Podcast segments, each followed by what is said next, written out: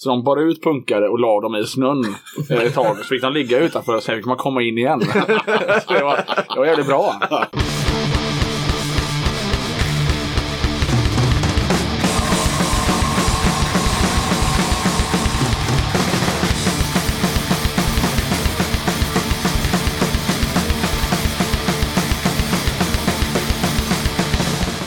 Välkommen till avsnitt 7 av Döda katten podcast som görs av mig, Yxan. Jag börjar med några tips om spelningar. Den 9 till 11 juni är det dags för festival. Det är Punks 44 som kör på Kulturgården i Solna. Det är 25 band som lirar, bland annat Makabert Fynd och Svaveldioxid samt ett gäng utländska band som till exempel Skottarna i Mantilla och Violent Party från USA. Biljetter grejar man på punks44.com. Den 16 till 18 juni, då är det dags för K-Town för sjunde året i rad nere på Ungdomshuset i Köpenhamn. Massa grymma band kommer lira som till exempel Contorture och Disfear och biljetter fixar man på ktownhardcorefest.org. Den 6 juli, då bjuder Dead Ridden upp till dans på Cyklopen i Stockholmsförorten Högdalen. Klara band än så länge är Drop Dead och Victims. Så det kommer ju bli en jävla skiva. Fler band tillkommer och priser och mer info kommer att komma upp på Dead Rhythms Facebook. Mikael Alveblom tipsar om att Richie Ramone kommer till Backstage i Trollhättan den 12 augusti. Man kan även se honom i Stockholm, Örebro och Kristinehamn. Döda katten har fixat hemsida. Detta för att samla allting om katten på ett och samma ställe och för att de som inte har Facebook ska kunna ta del av alla avsnitt och bilder och tävlingar och övrig information på ett enkelt sätt. Hemsidan hittar ni på www.dödakatten.se.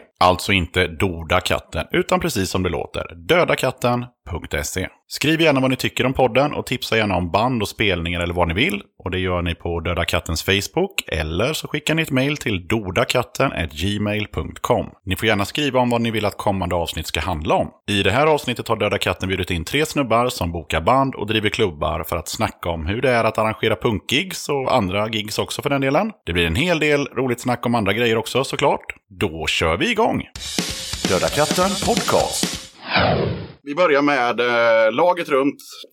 Eh, vem, eh, vem man är och vad man har för, om man har någon klubb och har haft och så vidare. Så ja, helt enkelt sitt arrangemang, engagemang.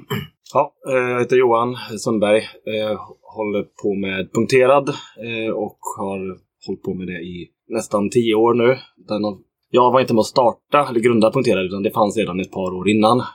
Och sen var det väl att jag gick på så många spelningar som de hade så att de undrade om jag ville vara med och hjälpa till att boka band helt enkelt. Sen har jag även varit med och bokat lite för Punk Legal och varit med på en av festivalerna eh, i Alafors. Så det är väl det som jag gör. Men nu är inte de med de gubbarna som var med från början i Punkterade? Eller? Eh, jo, Ja. vi är ganska många ändå, men vi är, säg att vi är sex, sju stycken åtminstone. Nästan alla är med sedan början. Ja. Ja, eh, Jonas Haglund, eller Jonk då. Jag är ju rågammal och en kappvändare, så jag har haft klubbar i typ alla genrer. Eh, men det som är punkrelaterat får man säga. Club Slacker och Showdown och det har väl varit igång sedan 2001 Slacker med lite ja, uppehåll då och då. Eh, och sen driver jag ju arrangörssajten jong.se och eh, Alicat Records som ordnar massa liknande. Eh, drev jag även den första klubben jag hade hette Klubb Dräggpunk också som var i Lerum en gång med eh, Tony Bofardén. Mycket bra klubb. En gång bara. Men succé. Jag heter Robin, Robin Havring eh, och eh, driver tillsammans med eh, tre andra, eh, Nikos, Fredrik och David, Up to Punks. Eh, och har tidigare även varit med i andra klubbar och bokare. Bland annat, eller ja, först och främst Filler här i Göteborg. Har även sysslat med både punkradio och recenserat eh, skivor och så vidare. Bland annat för Lukin Scene.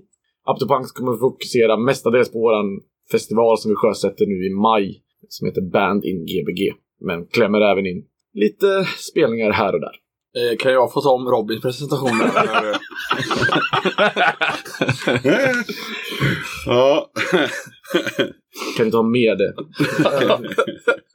Okej, ja, John kan ju redan eh, gjort en liten eh, vad heter det, spoiler alert på, på nästa fundering. Eh, det är ju nämligen första gigget man satte upp, kommer ni ihåg det? Ert första arr. Helt knäpptyst. Ja, vi börjar inte så i ring utan... Nej, nej, vem fan Okej. som helst.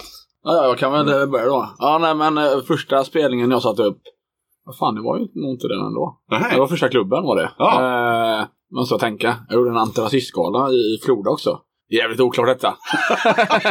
Sjukt oklart.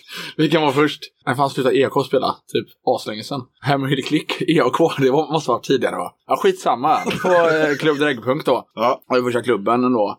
Fantastiskt. Jo, det måste vara första spelningen. Vi satt ju på det anrika stället Lacupol i Göteborg. Eh, och då satt vi ju eh, de fyra Jonasen helt enkelt. Jag, Jonas Rud och Jonas Ögat och eh, Jonas Wik. Eh, och drack öl och sen kom den här Tony Boufardén in. Eh, och så började vi prata om att oh, det händer ingenting i den här staden, bla bla bla. Och så bytte jag Tony nummer. Men så hörde han verkligen av sig dagen efter att okej, vi, vi styr upp någonting. Och då hade jag kört min födelsedagsfest när jag fyllde 18 i Lerum där jag var ifrån. På en liten krog som heter Jolly Jumper. Och han ville att jag skulle köra mer grejer där. Så då sa jag, jag vet en lokal som vi kan sätta upp grejer i. Jag sa givetvis inte till ägarna att det var en punkspelning utan eh, jag sa bara att jag kan ha en fest här. Vi ska ha lite band den här gången. Och så bokade jag på Perkele Ens heter de också va? Eller? Mm. Tänker jag, ja, måste varit Ens ja. Perkele Ens och Ens måste jag bara flika in hade ju världens bästa låt. Den hette ju eh, 600 spänn, kontrollantgubbjävel. Ja, det är inte dumt. Då förstår man också hur länge sedan det här var, för jag tror inte det är 600 i böter på vagnen längre. Så det är ett och två eller Ja. Ja, men det här måste ha varit 90, ja, 98, 99. Ja, det stämmer bra. Det. Stämmer. Eh, och så var det, hade vi med det lokala bandet också, Maleficio, som var mer åt dödsmetallhållet. Så det, men det var mer, ja, det behövdes vara med helt enkelt. Ja, ja. Det var en kväll som gick väldigt, det var väldigt roligt. Det, vi, vi startade en liten eh, så här, hemsida, kam.to slash klubbdräggpunk. Eh, och gick omkring med flyers och det fanns ju inte sociala medier på samma sätt då. Så det kom folk från Östersund och Malmö och sådär. Och eh, ja, efter fem minuter så fick de börja ta ut folk för att eh, folk bara satt och rökte hasch inne på tjejtoan och sådär. Men vakterna tog det väldigt bra. De, de gillade klientellet och tyckte att det var kanonklientell. Men som de sa, det är bara det att 93% är för fulla istället för kanske 1%. Så de bar ut punkare och la dem i snön eh, ett tag. Så fick de ligga utanför och sen fick man komma in igen. så det, var, det var jävligt bra. Det var väldigt mycket som hände den kvällen. Eh, jag skulle kunna prata om den kvällen en halvtimme för det finns mycket skrönor som hände. Och allt var sant. Så de startade lite så här punkdagis i snön. Bara, "Men lägg det här. Ja, det var grymt. Fick sitta med, så här, med en kir och en liten sån nappflaska. Så här. Perfekt. En kopp varm mellanöl. en kopp varm mellanöl. Första jag gjorde, alltså jag är, jag är lite yngre än eh, resten av gruppen som sitter här. Jag har väl varit med och hjälpt till väldigt mycket, men om jag så här, mestadels, första jag gjorde med Filler, som sagt, det är ju de som bok, jag har suttit i kassan liksom. Och ja, men roddat och allt sånt där. Ja, det var nog Beast och gamla pengar. Men så kom jag att tänka på också att via studentradion där jag var med. Så när, vilket år var det Musikhjälpen-buren var i stan? Var det typ 2012, 13? Ja, där någonstans. Ja, men någonting sånt. Och då kom jag och en polare på att fan, vi gör ett gig där vi samlar in pengar liksom. Eh, och han var väldigt inne i så här indie-scenen och ville bara boka en massa indieband. Indie-rock, indie-pop och jag bara såhär, vad fan alltså, kan vi inte bara boka så det blir sjuk kontrast? Han bokade något band från, fan hette de? Jag kommer inte ihåg, men de var Östersund eller Örnsköldsvik tror jag de var ifrån. Skitsamma. Men så bokade jag trubbel. Och det, det gick jävligt bra. Jag tror vi drog in 16-17 tusen. För jag hade så här bössor och sådana grejer. Men det jag minns mest är eh, när kvällen, eh, när banden har spelat klart och jag tänkte så bara, ah, nu kan jag slappna av och ta en bärs liksom. Går in i det kända lilla röda rökrummet inne på jazzhuset där vi hade gigget då. Och så kommer man in och så ser man på höger sida där står det liksom så här smala små svarthåriga poppare och finklädda och preppy liksom. Och sen inne i hörnet står det en turbojugend och pissar. Inne i hörnet bara man står och stönar där. Det var så sjukt att se den kontrasten. Eftersom trubbel har ju så jävla stor following i turbojugend-kretsarna liksom. Så det var bara 50-50 var det, ja, punkare och 50-50 var det så här poppare liksom. Så här. Uh, som då DJade under kvällen. Så jag eh, körde ju då, Up to Punks var ju tidigare då en podd liksom. Så jag körde med Erik och Ramon, körde vi DJ-set innan Trubbel. Sen klev Indie-gänget på och körde liksom innan det andra bandet då. Och så skulle några hoppa på efter Indie-bandet för att de ville ju såklart se, eller Indie-DJ-setet, de ville såklart se bandet. Eh, men då fick inte de komma in för att de var för fulla, de som skulle DJa. Känns Så som en röd tråd här. Ja. Ja, men lite så. Eh, så att jag, eh, jag ställer mig där och tänker att ja, ja, eh, jag får väl köra mina skivor då. Och då hade ju Ramon och Erik dragit, så de hade ju tagit det här lite mer lättsmälta med sig. Och det spelas Håkan Hellström och jag drar på This is the end med Victims. Så, bara rakt upp. Jag har aldrig sett ett dansgolv tömmas fortare alltså. Det gick så fort. Ja, det var väl första. Vad, vad säger Johan då? Eh, jag funderar på vad Du jag har fått en stund på dig att fundera. Ja, precis. Eh, jag har ju hjälpt till att fixa lite band till gig i Lidköping innan när jag fortfarande bodde där. Jag flyttade därifrån 03 eller 04 tror jag. Så att det var ju lite arr som gjordes där också. Och även på lite småspelningar och någon, en sommarfestival som heter Solkult bland annat. Eh, och sen så var jag även med och hjälpte till att boka lite band åt en klubb som var på Röda Rummet. Som Per Martinsson och någon mer hade hand om. Jag kommer inte ihåg vad den het, hette riktigt. Om den hette någonting med Göteborg Punk City eller Rock City. Ja men någonting. vad fan. Jo, Ja. eh, vänta. Den hette väl typ Gbg Rock City? Ja, lite något sånt Ja, där. Ja, känner till och med jag egentligen. Ja, ja, jo, men det- Ja, men då vet jag boka Lite ostigt men... Ja. Fi- Fistfull bland annat och Frost. eh, Fistfull var jag på. Mm. Så att det var väl de första arren som jag bokade band i. Men då gjorde jag inte mycket i övrigt på de spelningarna. Eller mer än att förmedla kontakt och sånt. Ja, för man har ju varit med på tusen miljoner spelningar genom åren. Så man har lärt känna rätt mycket folk. Så att man hade liksom ganska stort kontaktnät redan innan man satte igång och boka spelningar. Så att det, det har alltid underlättat. Man har mycket telefonnummer och lätt liksom att hitta någon som känner någon som spelar i det bandet. Det var liksom innan Facebook och sånt fanns också. Man kan ringa runt eller skicka sms så liksom man får tag på folk till slut i alla fall. Eh, så det har varit fördel att man har gått på spelningar sedan man var typ 13 år. A och O som arrangör är ju att känna folk någonstans och att vara med. Ja, alltså kon konsten att nätverka. Liksom. Alltså, så här, fast inte nätverka i det att man går fram och bara hej, här är mitt kort. Utan, ja men du vet, snacka med folk, ha det gött, köta, lära känna folk. Det roligaste med att eh, boka band och sätta upp gig och innan ni ens börjar svara så håll er till vad som är det roligaste. Jag tycker det roligaste är att se folk bara go ape shit. Alltså så här, folk, ja, men alltså folk börjar stage-diva, folk morsar, folk hyttar med näven, whatever. Gör, gör, folk gör sin grej liksom. Eh, man ser ett leende på läpparna liksom. Alltså jag tycker det, det är absolut det roligaste. Och sen också att i samma veva får ut bra band som man själv tycker om. Oftast, tänkte jag säga. Men, Ja, Men den, alltså- den, den har jag tänkt lite på sådär. Man, eh, förmodligen kommer Jonk säga någonting om det här, men just att man själv ty- tycker att det här bandet är jävligt grymt. Mm. Hoppas att någon annan tycker det, för nu tänker jag fan mig boka dem. Eller vad säger Jonk? Först skulle jag säga att jag, jag undrar om, eftersom du har suttit mycket i kassan, inte för att du alltid vill se pengarna väldigt mycket, det trodde jag, men... eh, jag tänkte bara Du, varenda gång jag sitter i kassan, det är inte jag som, det, det, det, är ju inte, det är inte jag som får pengarna. Det är så här, Nej, men du tar ju mycket pengar ja, det, det är en, en till dem och en till mig. nej, nej, fan alltså. Skämt åsido. Ja. Eh, men eh, alltid bara kul att ta upp det i och med att väldigt många tror att arrangörer tjänar väldigt mycket pengar, vilket oftast inte är fallet. Därför tycker jag det är kul att belysa den faktorn också. ja, det tycker jag Att eh, det finns mycket eldsjälar runt omkring.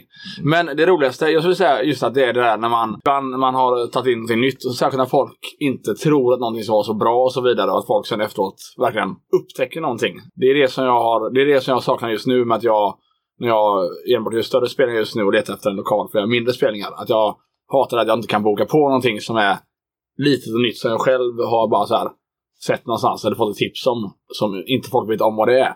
Det är det bästa tycker jag. Mm. Det slår liksom ett fullsatt eh, hus. Ja, ja, det, det är ändå gött när folk kommer fram. Alltså de, de lägger någon lite halvsyrlig kommentar. Bara, ah, nej men det här kommer inte bli bra. Det här kommer inte bli bra. Mm. Och sen efteråt så att de nästan ber om ursäkt. Typ alltså fan det här var grymt liksom. Och, jag, och ofta får man ju bara, då kan man ju klämma till bara, vad var det jag sa? Alltså det, den är också jävligt cool. så att det är svårt att välja en grej men Ja, nej, men det roliga är ju som sagt att man kan boka de banden man själv tycker om. Ja. Att det, det, man kör en fuling och hoppas att nu kan jag boka in de här och sen så får alla andra betala för att se dem också.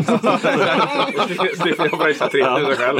Och ta med vad- men okej, eh, men vad är det, liksom medaljens baksida då? Vad är det tråkiga med att sätta upp gig? Vad, vad är det som är liksom eh, tråkiga? Men vad är det? inte så tråkigt alls. Det är väl att det kan vara jävligt stressigt i början innan, om allt inte faller på plats. Som om någon blir försenad och något, liksom, något tåg blir försenat eller liksom... någon ställer in. Ja, med eller- kort varsel och ja, man, det skiter sig. Eller lokalen strular eller vad som helst. Liksom utrustning kanske går sönder på scen och sådana saker.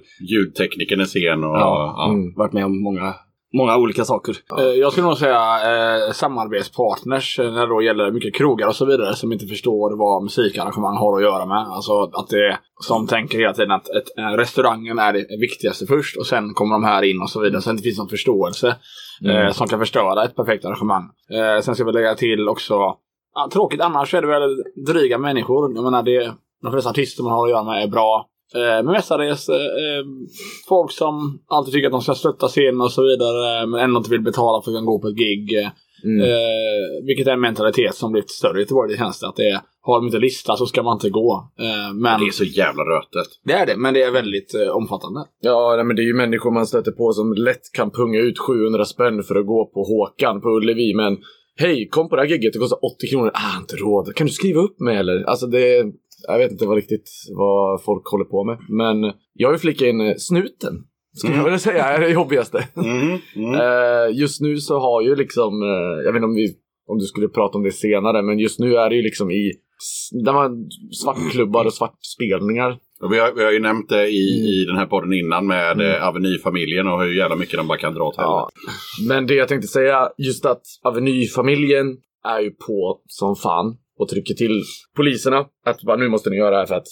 Först tänkte jag, ah, men de är oroliga för att förlora kunder. Jag bara, nej, inte en jävla punkare ska sätta sin fot på Avenyn. Eller på tredje lång och köpa en IPA för 96 spänn. Nej, inte det heller. Nej. Men, eh, och så nummer två tänkte jag så här, ja men de kanske är sura för att de får betala avgifter, eh, alltså, alltså licenser och skit. Eh, och jag bara, nej det är nog inte det. Jag, jag, det jag tror är att det de gör nu, det är att de invaderar liksom tredje lång, fjärde lång och de köper klubbar hit och dit och köper restauranger hit och dit. Jag tror att de är, det är bara ren avundsjuka för att svartklubbscenen är en scen de aldrig kommer kunna röra för att ingen kommer sälja ut sig. Vi får gå vidare lite. Eh, men har vi, Jag vill bara säga har, har, vi, har vi kommit in på... Får jag säga en snabb grej? Ja, ja, absolut. Eh, det, det jag ska säga nu är så modigt så jag måste ta ner det. Eh, vad säger jag? Jonk.se älskar polisen. Eh, så att så. Ja. Jag kan också eh, tala om att jag var inne och gjorde lite research på jonk.se och det är inte så här att det uppdateras särskilt mycket. Nej. Nej, det är mäktigt med jonk.se men det står Ja. inte så mycket som är aktuellt kanske. Ja, Nej, du menar vanliga hemsidan? Ja, jag gick in på den och så nej, bara... nej, ah, nej, det jag kör ju allting via Facebook eh, Ja. i princip. Så Ja, ja. Ja, nu, jag vill bara säga en sista sak. Är, är ju också liksom att vi har ju, vi har ju varit i samtal med både polisen och med eh, tillståndsenheten. Liksom. Och de, de, de tycker att alltså, så här, äh, det vi gör är bra. Alltså, för att det är ju aldrig slagsmål. Det är aldrig extremfyllor. Vi stänger inte klockan sex på morgonen. Vi, vi fokuserar på musiken, kulturen. Och de tycker det liksom, i den aspekten så tycker de ju att det är bra. Men sen så kommer det till det här med alkohollagar och eh, vilken typ av kontrakt som den lokala alltså, man vi, är vi, i vi har. pratade också Liksom. om det i en tidigare, eh, tidigare avsnitt om hur Mm. skitnödigt det är med till exempel då som kom upp här, eh, här veckan eller här månaden att eh, det var några pensionärer i Haga som hade en vinklubb. Som eh, tillståndsmyndigheten eh, då eh, fick tips om och så fick de stänga den. Ja, på riktigt. Då var det liksom så här 15 pensionärer som samlades varje onsdag, testade lite vin. Problemet var ju då att när man var med i den här föreningen eh, så var man ju tvungen att betala medlemsavgift och de pengarna gick till att någon gick och köpte vin helt enkelt som man sen provade. Och då blev ju det helt enkelt klassat som en svartklubb. Så därför så var detta Göteborgs äldsta eh, svartklubb, för den har ju funnits typ i 20 år, har de här gamlingarna suttit och testat vin. Eh, och nu är det stopp på det. men, men kan tillstånd, 86. alltså, tillståndsmyndigheten kan ju inte gå in om inte du har... Men det är någon som har tipsat dem bara så här, men det, de säljer alkohol. Ja, för det är det du gör. Om du har ett medlemskap som är tvingande för att vara med i den här vinprovarklubben Mm. och sen så dricker du vin där. Då, då har du ju faktiskt köpt vin svart av någon. Jo, jo, det, men, menar, det, men det är ju det med reglerna. Det är ju polisen bara som kan gå in, eller för tillståndsmyndigheten kan ju bara gå in om du har ett tillstånd. Ja, Annars precis. Okej, det- förlåt. Så då kanske det var polisen. då. Men det var någon som tipsade dem i alla fall. Ja, det, är, ja, ja. det är typiskt jävla Sverige och så Ja, jävla ja, runt. men skulle, alltså, man, men- skulle man säga det till en spanjor så här, ja, vi hade lite pensionärer som testade vin men eh, vi satte stopp för det för det är inte okej. Alltså, Mm. du fattar ju Jag, jag, jag vill bara göra ett, ett snabbt eh, tillägg, sorry. Mm. Jag vet att vi ska gå vidare. Eh, men det är angående det här med svartklubbarna och eh, som jag pratade om med då Avenyfamiljen och så vidare. Eh, det skulle jag säga som jag upplevt med många krogägare runt om som ändå kör alternativa klubbar. Är att de är väldigt rädda för svartklubbarna och de känner att, eh, att de tar då publiken från dem oavsett vilken genre det är. Eh, och det är en grej som de varit helt oroliga för. Jag ser det som tvärtom. att så här, när Andra Långgatan, när den blev mer större, eh, liksom efter Kellys och Kingshead, eh, så blev det att man gick ut på Andra Långgatan hela kvällen Tidigare så gick man dit, började, så gick man på klubb och man betalade en entré. Men sen för de yngre så blir det att man betalar inte en entré, det gör man inte när man går ut. Så jag ser det mer som att det svartklubbarna också gör för alla legala klubbar är att många av de här yngre kidsen som inte är vana vid det, då betalar man entré på svartklubbar, Mm. vilket gör att de ofta går på, kom, dyker upp på andra spelningar också. Mm. Eh, så jag ser det mer som en positiv grej runt om. Det har Mm. alltid gjort mycket med den grejen, även ekonomiskt för dem. Men det blir en slags eh, kultur att, de, att man är som, ja, när man är 18-19 och börjar gå ut, man börjar fatta att okej, men man måste ju betala för, att, För underhållningen, för ja. underhållningen. Men de är, det är det, de laddar ner, alltså, Ja, alltså ja. Det, det, det är liksom Ja, samma... ja men det, det blir, ja, men man, man betalar för kulturen. Alltså, så här, du ja, ja, men jag tror det är absolut. Ja. Att eh, man bidrar till kultur. Ja, men Dels som eh, liksom, publik, men även ekonomiskt. För att, ja, som vi sa innan, det finns ju inga pengar i den här skiten. Men det, Och det är faktiskt nästa grej som jag tänkte ta upp. Och det var så här, tjänar man några pengar på att sätta upp eh, gig i de här genrerna som ni huserar i? Det kanske inte är en ja nej fråga förvisso. Ja, men man kan säga så här, jag tog ju min eh, personliga yacht till den här replokalen så sätt. Just att, det, eh, och sprutade champagne eh, Från några bikinibrudar. på Ja. älven. Ja, exakt. Nej. Nej, man kan väl säga som så att eh, man eh, måste ju jobba ihjäl sig om man ska tjäna några pengar. Jag har ju jobbat som arrangör i många år. Eh, men jag gick också in i väggen eh, så att jag blev sängliggande eh, för tre år sedan. På grund av att man jobbade dygnet runt och gjorde tusen saker för att ens kunna ha chans att eh, ordna det. Mm. Ja, nej men det är, jag menar, jag pluggar och jobbar och håller på med det här. Det, det tar, ja men du vet, man, jag sitter ju på mitt vanliga jobb och på, i plugget och jobbar med det här samtidigt. Så det är någon så här simultan förmåga man bara så här får utveckla på något vis. Det finns, alltså pengarna, ja man kan, alltså går man plus minus noll så känner jag att bara så här, ah fan, bra jävla kväll liksom. Sen om man går några tusenlappar minus då är det så här, ja det var ändå en bra jävla kväll. Det är inte därför vi gör det här.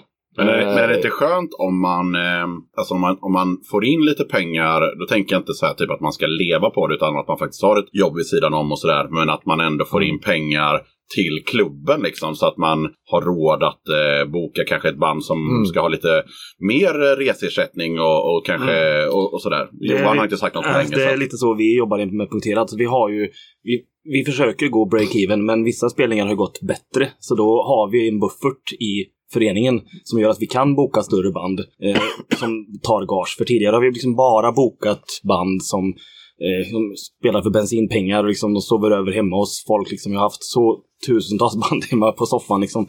Men eh, nu liksom kommer man upp till den prisklassen när man kanske kan boka vandrarhem till banden och sådana saker. Mm. Också för att en del band blir äldre och äldre. Så att de som är 50 plus kanske inte kan sova på golvet längre hur som helst. Utan de kanske föredrar ett... Eh, eh, Ett billigare hotell eller ett vandrarhem. precis. Ja. Ja. Jo men absolut. Det, att ha en buffert är ju alltid gött. Liksom. Alltså att man, eh, man kanske kan eh, ja, men dels vandra hem till banden. Men också att man kan lägga pengar på, man, man kan lägga pengar på gage. Liksom. För att jag upplever, det är många gånger man har, man har band liksom out of town. Alltså oavsett om det är från Malmö, Stockholm eller USA liksom, eller Europa. De får ju gage för att de ska kunna överleva under sin turné. Och sen så bokar man ju då oftast liksom så här, ja, men lokala band och så bara, ja ni får bärs och käk och kanske lite bensinpengar om ni behöver köra någonstans. Det känns gött då att när man sitter där på plussidan att så här, bara gå fram till de banden och bara hej, fan, här har ni cash liksom. Mm. För jag tror att hela kulturlivet,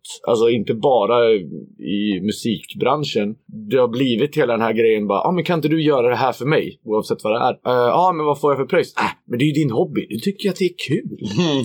Och det, det är liksom där, där tror jag det är viktigt att folk börjar liksom ta sina grejer seriöst. Och sen så, tack vare att man får de här extra, så kan man liksom, vad säger man? Det blir en liten morot liksom. Ja, ja, men, Det- självklart. men vad säger Jonka om det? Break-even eller tjäna lite, lägga tillbaka det i klubben eller? Ja, jag, jag tänkte gå in lite och komplettera en grej med, som eh, Johan eh, pratade om innan. För det är också som jag vet att Punkterad har jobbat mycket med, så som jag också själv vill jobba. Det är att när du fått in pengar på ett gig som, Mm. som eh, ja, dels så kan det vara några band som varit lokala och räddat väldigt mycket, så man fått eh, mer buffert. Men att man lägger det då, försöker ta dit eh, amerikanska band, men att man håller samma entré. Så att folk Mm. fattar att det vi gör är kvalitet jämt. Så att hur kan det komma sig att man kan gå in för det här på 60 spänn till exempel? Mm. Det kan ju inte gå runt bara, nej det gör det inte. Men nu hade vi med pengar sen innan och så Mm. vidare. Och där, tyvärr det enda är väl att jag är med ibland och vissa lokala akter att spela billigare. Men samtidigt en annan gång kan de få mer också när Mm. det finns. Att det, det är liksom, det handlar ju om att man själv sitter och roffar åt sig. Men att eh, just att kunna hålla en hålla en billig entré och ändå ha kvalitet. Det är lite A och O. Och Ja, det är mm, ja, coolt om man verkligen. går på ett gig så här som man vet så här. Som jag varit på några gig som, som Johan har gjort till exempel. Som, eh, eller som ni har gjort då, men nu är det du här så att det All cred till Johan. Eh, men mer, mer så att så här, man vet om att bara, det här kan ni ta typ 200 spänn för slutsålt. Bara, Nej, det kostar 80.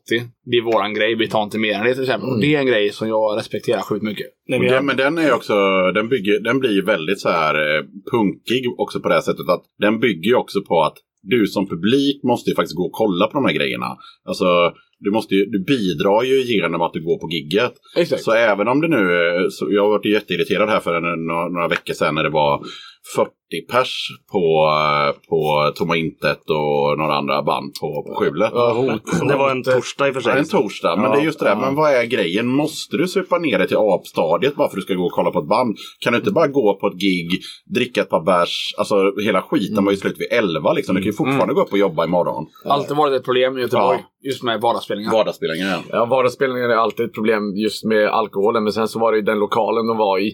Var ju också att den har ju blivit inspekterad. Så att de kan ju inte sälja någon alkohol där heller. Absolut inte, men att, man kan ju eh, fortfarande vara en vardag. ja. Så på Jo. vardagar, så om du nu vill Jo. ha en starköl så kan du faktiskt gå till bolaget innan. Så Ja. det, det, det är ingen det, alltså, det, det var inte menat som en ursäkt. Jag tycker också att liksom, det här vardagsspelningen är ett problem. För det är som att folk liksom... Ja, de bara, nej men jag ska upp tidigt imorgon. Och så som, som du själv sa. Banden startade tidigt och Ja, slutade exakt. i bra jag, tid. Liksom. så här, Som jag tycker man ska göra när man har en. Så man ska se till att, att sista Ja. bandet är klara hyfsad tid. Liksom. Ja, men och speciellt med tanke på liksom, kollektivtrafiken och Exakt. sådana grejer. För det är så folk reflekterar. Bara, ah, fan, jag ska upp till jobbet imorgon. Ah, jag orkar inte. Men om man har en tidig spelning då, ja, och det är en billig spelning dessutom så fan, jag förstår inte vad folk har för ursäkter.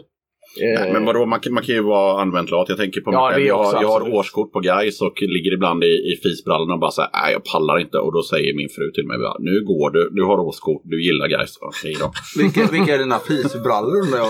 ja, men, Är det de du har på dig nu? ja, exakt. Jag Nej, tyckte men, de såg lite bruna ut. ja, nej, men det är, fisbrallor är ju vanliga tjackisbrallor liksom. Ja, Adidas byxor. Ja, nej, utan sådana... Grå, gråa mjukisar. Ja, mjukis. De råkar vara svarta, men jag hade gråmelerade förr. Men skit i det nu. Eh, Det känns Nej, vi kommer absolut inte stryka det. det är, jag hade fan med mig gråmelerade till, eh, till Roskilde 2008. Då kände jag så här, nu fan har jag blivit gubbe. Eh, snackade med Plytet innan bara så här, fan måste vi gå runt i svintajta brallor hela dagarna så här? Nej, det kan vi göra på kvällen så här. På dagarna sitter vi bara softar med liksom så här drinkar och gråmelerade fisbrallor. Så vi åkte till Stadium och köpte varsitt par. Så satt man bara så här och bara göttade sig. Men i alla fall, eh, tänkte inte direkt en Way Out West-outfit det där. den, den, den, jag kan säga den var exklusiv för, för partytältet. Men jag tänkte på det här med... Eh, vi, nej, men vi är ju fyra stycken eh, gubbar som sitter här. Även om Robin eh, kanske inte riktigt kvalar som gubbe. Pojke. Pojke. Eh, men eh, vi är i alla fall män eller pojkar. Och, och till, eh, de flesta, till, till de flesta festivaler och eh, gig så bokas det ju uteslutande nästan eh, killar. Vad har ni för åsikter om att scenen måste bli eh, mer jämställd? Det måste den verkligen bli. Vi hade ett årsmöte med punkterad eh, nu vid, ja, om det var i början av året, ja, i vintras nu i alla fall någon gång. Och då bestämde vi det att vi ska minst ha en akt med kvinnor eh, varje spelning, varje gig. Så att vi kommer inte ha ett enda gig som bara består av män. Sen så är ju, ja, det, majoriteten av banden är ju män, men det går ju att hitta jättebra band med kvinnor i. Så att det är ju bara att man ja, anstränger sig lite extra och så får man ihop det minst lika bra ändå, än om man bara är lat och bokar de tre första bästa banden man kommer på liksom. Så att det, det är någonting som alla kommer gynnas av i, i längden. För det märker man också på publiken. Eh, kvinnor tycker det är tråkigt att gå på spelningar där det bara är män som står på scen. Så att då tappar man ju stor del av publiken om man fortsätter att köra på gamla hjulspår bara. Ja, jag håller med. Det, vi satsar alltså så mycket på att, ja, att, det ska, att det ska vara 50-50 på scen. Även människor som ide- identifierar sig på annat vis. Eh, men eh, det, det är en känslig fråga och det känns också lite så här, vi är fyra snubbar som sitter och pratar om det här. Ja. Men, eh, men det, det är en viktig fråga och det känns som att många vet om den. Men många kanske blundar lite för den när man, när man bokar. Eh, Sen är det ju också så här rent matematiskt tänkte jag på när jag skrev frågan också. Det var ju att det finns ju fler band som består av uteslutande killar än vad det finns band som, eh, med bara tjejer. Och för den delen så finns det ju massa grymma band som består av killar och tjejer i Mm. samma band. Ja. Det får man inte heller glömma bort. Ja, men sen, sen också så här om man, om man bara bortser från liksom den eh, frågan som är ja, men könsfrågan så, Mm. så måste man också räkna in variablerna så här. Kan banden spela? Uh, vill de spela? Ja, men det, det, det är många sådana variabler som påverkar det här. För att man, man kan boka en all, alltså så här bara en helt kvinnlig lineup. Men sen så måste ju banden kunna och vilja. Så Mm. att det, det är också en variabel som Och måste... passa in kanske om man har någon typ av Ja. tema på, på Ja, kvällens arrangemang. Ja, men precis. jag lite ja, också. det också om man, om man är sugen på det. Vi, vi jobbar ju mycket med att jag, jag och resten av vårt gäng, vi gillar ju kontraster. Så att vi bokar gärna blandat. Men jag förstår ju också om man kanske vill ha en kväll med bara krustband eller bara Mm. mm. oj-punk eller Exakt. whatever. Det förstår jag. Men det är också liksom, de här variablerna påverkar ju själva den här äh, kärnfrågan som vi pratar om nu. Liksom. Vad säger Jon? Eh, jag tycker faktiskt att eh, det hela har gått sjukt mycket framåt. Mm. Eh, tar man förr till exempel när jag började boka band så var det, då var, då var det, det var väldigt få band som kontaktade en som eh, bestod av tjejer till exempel. Det var eh, extremt få. Jag tycker att hela musikscenen har ändå någonstans, det är fortfarande en jävla gubbig scen, men det har ändå gått framåt väldigt mycket. Det är samma om man tar med eh, DJs och så vidare. Det är extremt mycket mer tjejer som är DJs. Eh, Och det är mycket mer tjejer som spelar i band. Och det har man märkt väldigt mycket nu när man själv ska boka. Att, eh, så här, om man då själv ska tänka på band för en viss genre och så vidare. Så finns det jävligt mycket mer. Och man har koll på mycket mer. Eh, sen handlar det ju precis som, som Johan sa, man får ju botanisera lite mer. Men förr kan jag tycka att det, då var det liksom, det hände nästan aldrig. Men numera så, så vet man sjukt mycket mer band. För det har scenen gått framåt där. Eh, sen handlar det om folk engagera sig. Jag, menar, jag, jag själv skulle aldrig vilja säga att jag går in för att köra någonting 50-50. Det gör jag inte. Men däremot så tänker jag alltid på det och jag bokar. Mm. Eh, Och jag bokar medvetet på det sättet. Men eh, eh, däremot kan jag känna att om jag gör ett gig till exempel, säg att jag har en 70 kväll och jag har, då har jag kanske, säg att jag har tre band som faktiskt består av bara killar. Så kan jag bli lite irriterad på när folk så här, ja, ikväll är det bara killar. Bara, ja, det är det. Jag har inte gått ut och sagt att det är så här jag jobbar eller så, utan jag jobbar medvetet på mitt sätt. Men, någonstans. Jag kan tycka att det ibland blir lite klagomål som inte är eh, rättvisa heller på något sätt. Nej, alltså det tycker inte jag heller. Jag, var- jag, jag tänkte mycket på det som, som jag sa när jag skrev frågan. Att man kan ju inte, man kan inte tycka att det är en, en dålig kväll för att det är tre killband. Lika lite som man kan tycka att det är en dålig kväll om det skulle vara tre tjejband. Det blir så fokuserat på könet liksom, Mm, på något mm. sätt där. Så, men jag tycker att det är kul att höra att alla, alla, alla ni tre ändå har med det här mindsetet att fasen, det vore ändå schysst att få med något tjejband här om det, om det, om det funkar, om det passar Jag älskar att du säger tjejband också. Det är så. Ja men vadå? det- jag tänkte på det också. Ja, men det är, som, det är som man säger tjejfotboll. Alltså det är känsligt liksom. Man bara så här, men vad ska man säga då? Alltså det är ju tjejer som spelar fotboll eller tjejer som spelar hockey. Eller så är det ett band. Ja, det är ett band. Det är ett band bara, punkt. Ja, okej. Men, och, och, men jag måste ju ändå säga tjejband i det här sammanhanget. För annars så kan jag ju inte förklara Du kan, säga, det- du kan säga att det är ett band som består eh, enbart av kvinnor till exempel. Eller så. Ja, Men, okej då. Ja, just saying. Ja, just saying. Ja. Vi hade ju en sån spelning på Punkterad som var väldigt gubbig. Då spelade ju du själv. Du var ju nästan yngst på den spelningen. eh, Hur, hur gammal är du Yxel? 42. Du var yngst? Ja, okej. ja. För då var, Charlie det, var med också. Så att, eh, Ja. för då var det ju Wallflower, Bristless, Rövsvett och Crude SS. ja. Och det var nästan bara 50-plussare med där, män alltihopa. Jag tror trummisen i Rövsvett är förmodligen någon yngre förmåga. han för det, är- så, så brukar precis. det vara. Men, Ja, eh, men annars så. Jag tror vi räknar ut att medelåldern låg på typ 48 eller något sånt där. Eh, så, ja, det var en gubbkväll. Jag måste bara göra ett tillägg där eh, angående den biten. Men i alla fall, det som jag tycker är gött är ju så att det, det går ju framåt och det är ju för att alla engagerar sig såklart. Liksom. Mm. Samtidigt kan jag tycka det är så här, det, som kanske är lite dumt att säga, men det jag kan irritera mig på mycket är att eh, det kan finnas en del arrangörer som då vill vill jobba jämlikt fast de har ingen koll. De botaniserar ingenting utan är så här bara. Ja, eh, eh, som hör av sig så här. Ja, men eh, har du några tips eh, på några tjejer som eh, du spelar eller som... Och det är så här, fast du har ju drivit klubb i fem år. Hur kan du inte ha... Sen är det fint att de tänker på det. Men samtidigt känns det som att de inte tänker på det för rätt saks skull. Alltså de tänker på helt fel sätt. För de tänker de så här att men nu ska vi ha med ett band som består av tjejer. För att det är ett band som består av tjejer istället Ja, för att det vad- är ett exakt. band. Exakt. Kvotera in Alltså, då. ja, Ja, exakt. och då blir det är verkligen kvotering, och det- det är ju aslökigt. Alltså, du, du ska ju boka bandet för de är grymma liksom. Men de, Det är- de, vill- de vill ha fe, feministryggdunken. Ja, men liksom, typ, liksom. typ. Alltså på något vis. Ja. ja, det kan vi också prata om hur länge som En, helst. en sista grej bara om Mm. det. Eh, med utvecklingen som jag tycker är väldigt rolig är ju att det ändå så här, det har kommit sjukt mycket mer DJs, sjukt mycket mer band som består, eller så är hälften tjejer och så vidare. Det är asbra utveckling. Och sen väntar jag bara på det här för att med skivbolagen, jag gjorde en intervju om det för ett tag sedan, och där kände jag mig, jag kunde inte nämna många skivbolag där det var tjejer som hade det.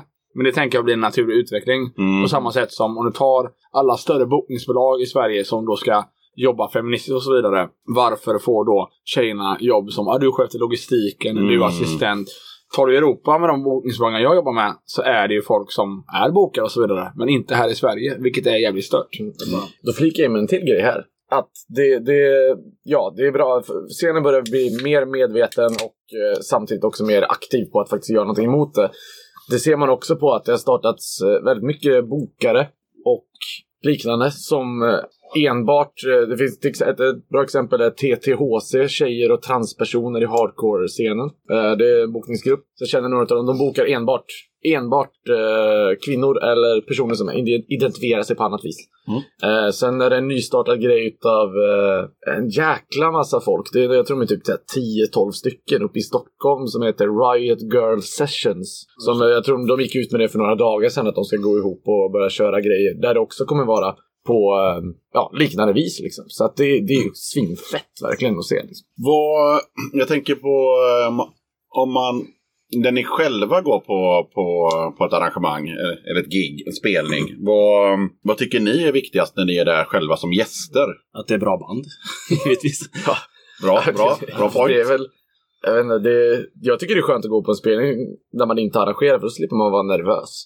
För jag vet inte med er andra två, men jag är ju liksom... Jag kan slappna av när sista bandet har dragit sista riffet. Då kan jag bara, åh ge mig en bärs för fan. Alltså då, jag, annars är jag på helspänn hela tiden. Du kanske Eh, borde ta den här ölen tidigare. Ja, ja. jag tror det är en eh, vanlig sak också. Det, jag Ja. tror när man inte har hållit på så länge eh, så är man... För Ja. det var jag också, att jag var mycket mer nervös i början. Hur kvällen Jo, jo, men alltså, för det, för det, det man har insett är ju liksom att så här, tidigare så här, jag har varit involverad ganska mycket men inte liksom haft ansvaret. Och så nu har vi, vi hållit på i, eller jag, jag har väl hållit på själv i ett år men Up to Punk startade vi i december liksom. Mm. Eh, så att det, det är kanske väl det är vanlig sak att bara så här, fan det är, går det bra så går det bra, går det åt helvete så kommer det också gå bra. Liksom. Det, Men, vad, men vad säger Jonk som, som 100% gäst på ett gig? Eh, vad det bästa är? Ja, vad är, vad är bra vad är mindre bra liksom när du är där som, som, som Jonas som är på konsert helt enkelt? Ja, nej men uh, givetvis är det ju banden. Och sen är det väl också den här sköna känslan att man är att man bara är där som gäst. Men det är ju gemenskapen. Ja, liksom, gemen- med gemenskapen och allt folket och- ja, alla som är där som gäster och de som man kanske känner som spelar. Liksom att Ja. man träffar folk på ett Ja. jävligt avslappnat Jag sätt. tycker det är intressant att ingen nämner att ja, fan, det är rätt bra det är bra ljud också. Mm. Det skiter. Ja, det ja, förutsätter ja. man kanske. Nej, Vi, nej, vi skiter i det när vi arrangerar, vi Ja. skiter i det när vi är som gäster. Punkt. Ja, vi är så jävla fulla så vi hör ändå ingenting. Nej, men, nej, men på riktigt, så här, vadå, alltså ljudet är, alltså nej. Jag har varit på gig som varit svinbra, fast ljudet har varit piss. Det är klart att det är gött med ett bra ljud, men eh, har du en grym kväll när det är asbra gemenskap och, och sådär och banden levererar så kan du ändå eh, Komma Köpa- undan med ja. ljudet. Men har man lyssnat på eh, gamla boomblasters med diskant på allting så kanske inte man har samma krav någonstans. Jag vet inte. Nej, nej, jag- jag, tittar, alltså så här, äh, när jag är på ställen äh, som jag aldrig varit på. Då, då kommer det lite mer så här, ja, men analysera lite så här, bara, ah, men fan här skulle man kunna, man skulle kunna göra det här och det här, det här bandet hade passat bra i den här lokalen. Det, det här hade vi kunnat gjort ditten och datten liksom. Så Men då är det arrangören i det som kommer fram. Ja, ja, men precis. Det, det, det, det, lite det. Privatpersonen Robin, ja, Privatpersonen. Ja, nej men det, det, det, arrangören. nej men det är det jag menar. Privatpersonen går in, sen kommer arrangörshjärnan, den slår på liksom när man börjar tänka. Men oftast så är det ju det som ni har nämnt liksom. Gemenskapen, levererar banden, då skiter jag i om det bara sprakar ur högtalarna eller inte. Alltså så här, då är det en god kväll så är det en god kväll liksom. Det är, Ja, det är ju he- helheten någonstans. Sen är det Ja. klart man älskar bra ljud, men eh, Ja. någonstans, eh, det behöver inte förstöra Ljudofil. Kanske. Ditt ja, senaste kanske det var då när eh, regimen och eh, Twin Pigs spelade. Ja. Då tyckte jag det var ganska stor skillnad på ljudet på regimen och Twin Pigs. För Twin Mm. Pigs hade asbra ljud men regimen var ganska dåligt. ska Ja, ja, du kom fram till mig Ja. eh, typ fyra gånger och sa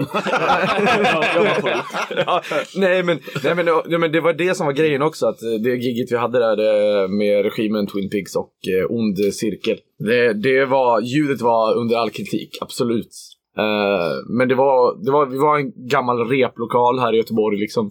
Det kunde ta in max 100 pers. Det kom 100 pers, det var svinkul. Folk var peppade, folk drack bärs och folk härjade liksom. Ja, det är svinkul. Ja, jo, jo men det, det, var, det var det liksom så här, Men, men, men, Men nej, ljudet nej, var ju nej, nej, nej, nej, men lju- ljudet var under all kritik.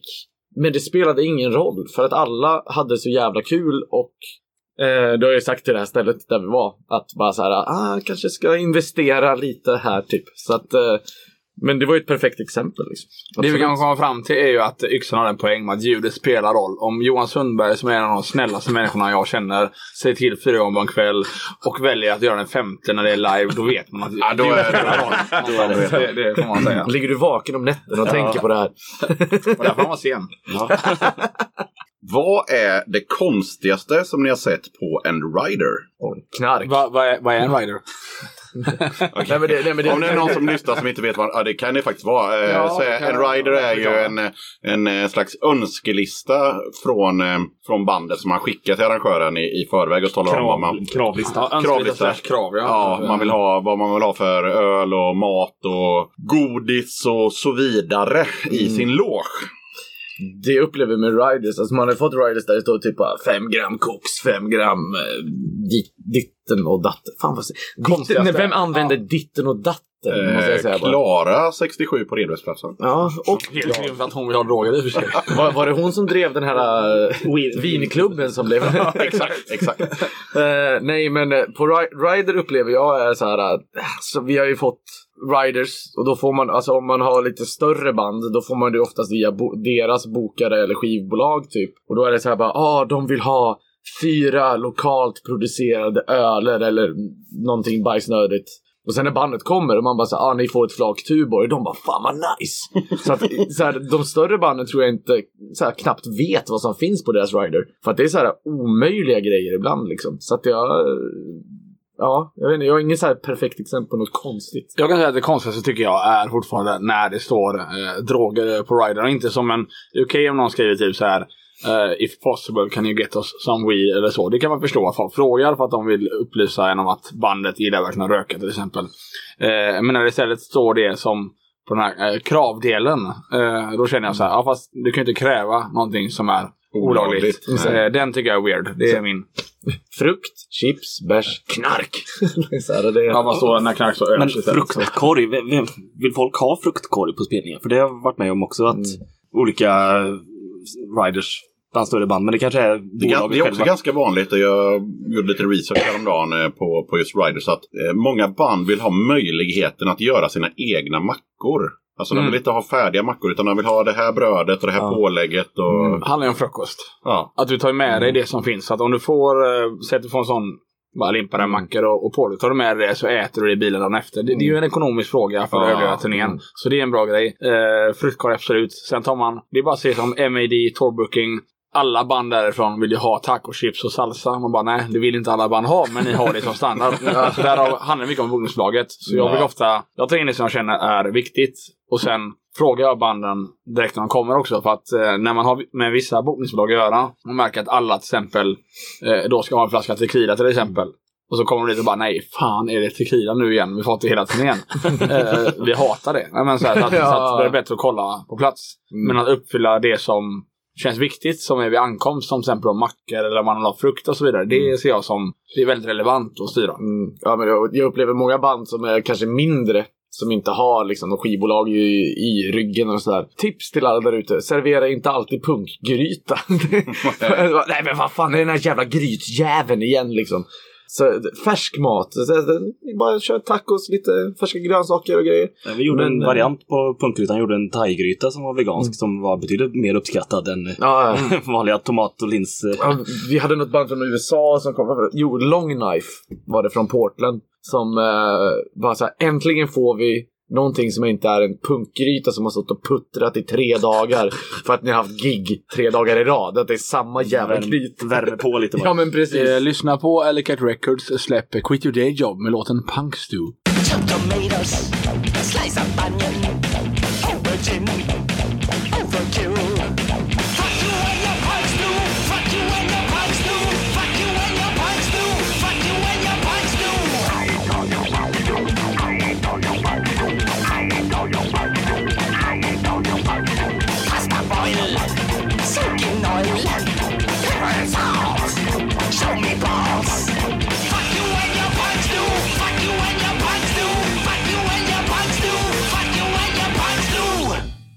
Lyssna också på eh, Slaktattacks låt. Nej, men första raden är ju eh, 50 mil till sönderkokt pasta. Vi borde stannat på en loppig rasta.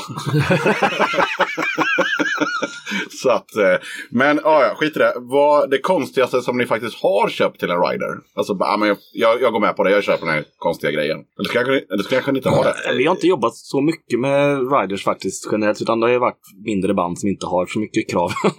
Ja. Eh, Så det, det vanliga är ju att mat, eh, boende, bensinpengar liksom, och eventuellt gage. Liksom. Det är standard. När jag höll, höll på och gottade mig i massa olika, jag hittade några sidor med man kunde kolla på hundra bands jävla riders. Så fastnade jag för eh, Gorgoroths rider. eh, och de eh, ville inte ha massa kandelabrar och getskallar och sådär som man kanske skulle kunna tro. Utan de ville ha då massa alkohol och cigaretter och tändare och så vidare.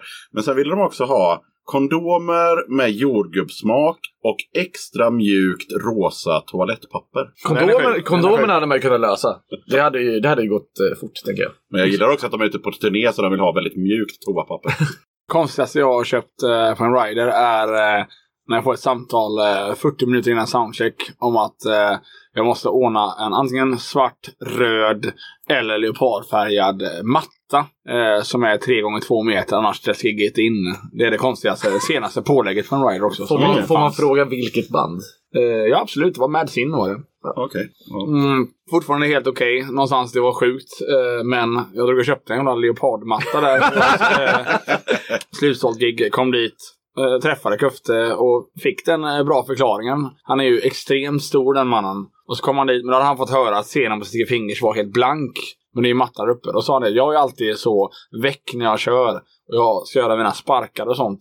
Eh, och är det blankt så kommer jag trilla och slå mig. Och jag har alltid med mig en matta själv. Så eh, därav så flippade jag. Eh, ledsen för det här. Och sen kollade han på logen. Jag hade köpt extremt mycket mer för jag trodde de skulle vara jobbiga att göra med. Ja. Han förklarade för resten av bandet att vi äter ingen middag. Eh, utan nu äter vi det som är logen bara. När arrangören har köpt det här. Vi får med oss mattan resten av turnén. Så är vi jävligt nöjda här nu. Så det är en grym kille. Men eh, först då tänkte jag, vad är det här för jävla idiot?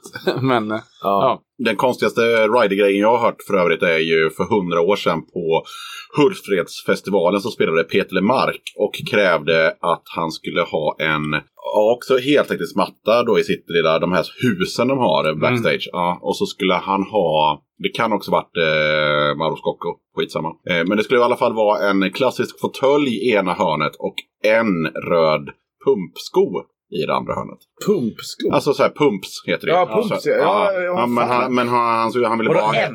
en röd i det motsatta hörnet från fåtöljen. Bara säkert för att jävlas med arrangören kan man ju tänka sig. Mm. Men eh, Jonk, du har ju ett skivbolag och jag har också läst på att eh, Johan har någon slags skivtillverkning. Tillverkning. Ja. Mm. Precis, varför samarbetar ni inte för? Eh, ja, det var en grej jag inte kom in på innan faktiskt, inte med samarbetet. Men just det här med eh, att göra grejer och eh, med pengar och så vidare. Eh, för att, jag tänkte just fråga dig om det innan. För eh, det har ju varit, vet jag, väldigt svårt, sen du tog över det, med att det blir så jävla dyrt att göra det i Sverige. Ja. Så jag tänker att vi kan lämna över frågan till dig rätt av. Ja, nu har inte jag jobbat så mycket med skivorna just på nästan två år för det har legat på is. Eh, för han som jag samarbetade med tidigare gick i konkurs. Ja. Eh, och sen är det ett eh, gammalt ja, Swedish Merch som eh, har in, köpt loss lite delar från min utrustning samt att de hållit på och byggt skivpressar i fyra år men de är inte riktigt färdiga än. Okej. Eh, så att det kommer snart lägga igång med ett samarbete med dem. Men då kommer jag bara gravera skivor åt Mm. dem. Eh, för jag sålde matriceringsutrustning som, ja, det är en annan femma att gå in på vad, vad det innebär. Men, men jag har hållit på med eh, släppa eller tillverka vinylskivor i ja, snart tio år, förutom de två sista åren då. Men eh, det, är, det är dyra kostnader på grund av att det är långa, liksom dyrt råmaterial och väldigt mycket arbetstid som går ner. Eh, så jag har inte tagit ut en spänn på det bolaget utan det har varit liksom investera tillbaks i bolaget. Sen har jag ett vanligt jobb som jag försörjer mig på så att säga. Ja, jag vet inte riktigt vad jag ska säga. Ja, nej, nej, men, Ja. nej, men just, just att, att det blir, det är så svårt kan man väl säga där. För det var samma, eh, angående det samarbetet jag tänkte på. Jag, jag tryckte ju, vi tryckte ju eh, Trubbels trubbel, första. Eh, eh, exakt. Mm. Den eh, tryckte vi ju via Johan. Och där var det så, jag menar, jag jag vet ju hur Johan funkar. Det är inte så att Johan tar något överpris. Men det var, det var så bara svårt. Om man jämför då med hur det var att trycka utomlands. Så var det Tjeckien att, till exempel. Är, Tjeckien, ja precis. Ja. Så blir det så. Nej, okej. Vi... Eh, men okej, men eh, Jonk har i alla fall ett skivbolag som heter... Elliket. Ja. Och eh, där släpps det lite vinyler med jämna mellanrum. Jajamän. Jajamän. Döda katten podcast. Jag passar på att hoppa in här lite snabbt för att berätta att du har möjlighet att stötta Döda katten om du tycker att det jag gör är bra och att du vill höra fler avsnitt. Döda katten sträcker ut en hand för att få hjälp med att fortsätta leverera avsnitt om punk och alternativscenen med regelbundenhet. Att driva Döda katten podcast medför kostnader i form av ljudhotellshyra, porto, teknik, domännamn, program, inköp av merch, resor och en hel del annat. Om du vill hjälpa podden ekonomiskt så är det ovärderligt. Det hjälper mig att driva podcasten men även utveckla innehållet, dels gällande gäster men även ljudkvalitetmässigt. Du måste absolut inte vara en Patreon för att kunna lyssna på podden. Döda katten kommer alltid att vara gratis för dig som lyssnar. Men om du kan tänka dig att månadsvis bidra med några kronor så kommer ditt stöd verkligen att uppskattas. Jag gör inte podden för att tjäna pengar. Jag gör det för kärleken till punken, för alla möten med härliga människor och framförallt för er som lyssnar. Eran feedback är den största anledningen till att jag fortsätter. Kika gärna in på patreon.com dodakatten. Länkar till kattens Patreon-sida hittar du på Döda Kattens Instagram, Facebook, Twitter och eh, på dödakatten.se. Jag tänkte på en annan grej. Bandbokare som jag ändå kan tycka att ni är. Är ni lite som musikjournalister på det sättet att att vi är skitnödiga. Nej, men att man eh, kan inte spela i något band själv, men man vill ändå vara involverad i scenen. Jag kan svara på det på direkten. Absolut. För min del. Så är det verkligen. Jag eh, började liksom så här. Ja, jag bör- började tänka på sånt redan när jag gick i högstadiet och sånt. De andra spelade band. Jag kände att alla hade börjat så mycket tidigare. Och man ville vara en del av scenen. Så att absolut. Där började jag. Jag har ingen talang någonstans när det gäller biten. Jag fick spela lite gitarr, för att eh, jag skulle fixa fritidspedagogutbildningen. Eh, men det är det enda. Och absolut. Rätt av. 100 procent. Ja, jag kan bara hänga på det tåget där alltså. Det är extremt eh, omusikalisk. Jag tror jag kan spela Smoke on Water på en sträng. Den här klassiska.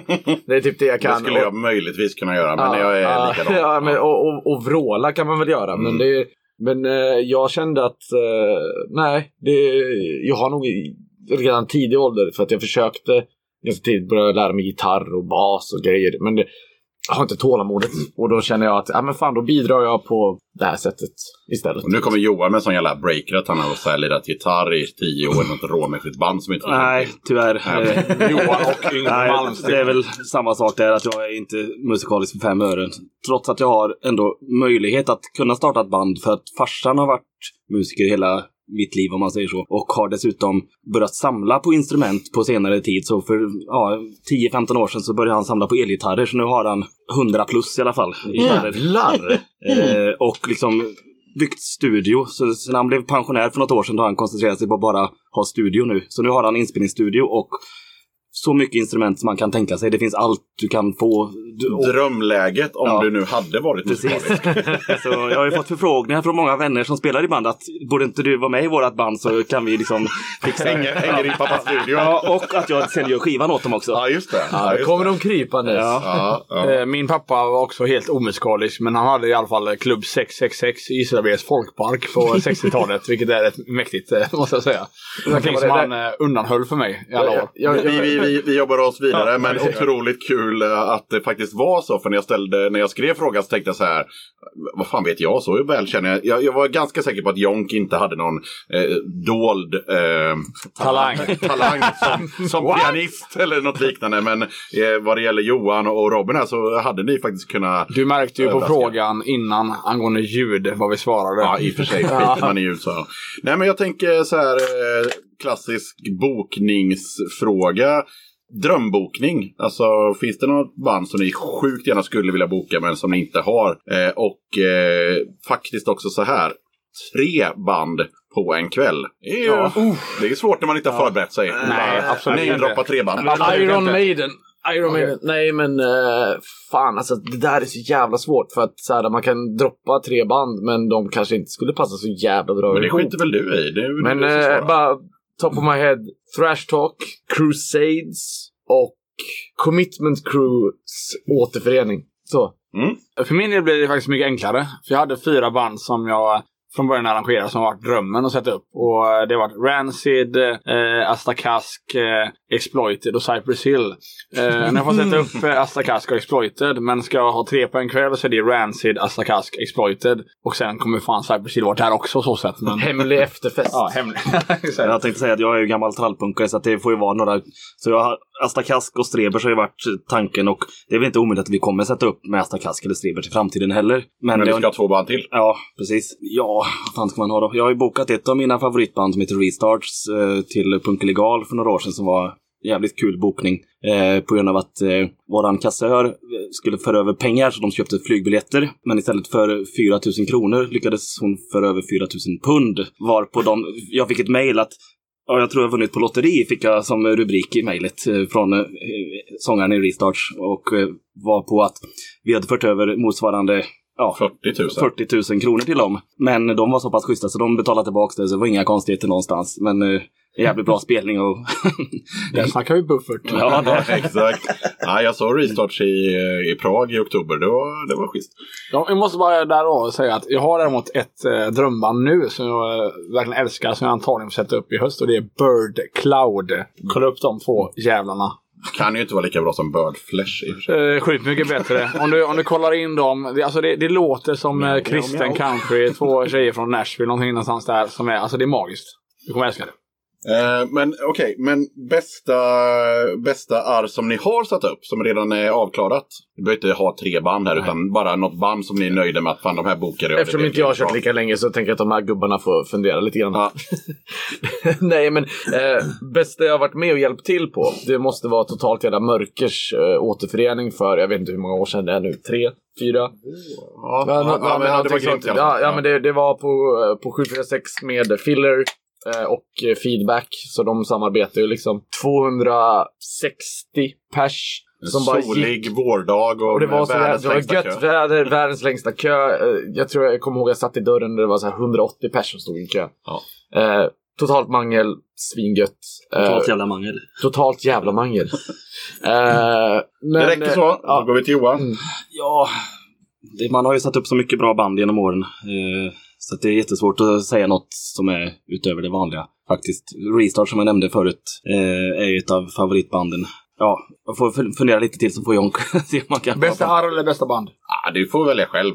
Frågan var formulerad som arr, men samtidigt Ja, tänkte jag så här. då, eh, Vet man bara ett band som man bara shit vad gött det var så tar man det istället. Ja, men då säger jag bästa arr. Eh, det var ju när jag och Matilda körde Slacker. Vi gick in och körde eh, på Henriksberg, tre våningar. Och eh, vi bokade in Horrorpops eh, första gången, det här psychobilly-mannet. Och så körde vi Cirkus Miramar också och sen även Peacocks eh, från Race. Och då gjorde vi en sån grej som vi var inne på innan som, gillar, som punkterade mycket. Så vi körde ju 60 spänn i entré. Och då hade vi en sån kö som gick upp på eh, 7-Eleven där det är Elis numera. Eh, och det var väl typ var det 720 betalarna den kvällen. Och vi gick 200 spänn plus. Eh, men det var ett magiskt, magiskt jävla arr just för att det var bara så här. Det var så konstiga genrer mixade. Då hade man det även, det var poppare, det var punkare och allting. Det var tre våningar, så hade vi olika musik på olika våningar. Men det var en grym alternativkväll som ändå var sån att det var många som har pratat om den som, som var på Slacker första gången då. Det var en sån grej att de upptäckte klubben och bara det här är helt sinnes med den här konstiga mixen och hur mycket folk det var och hur kul det var.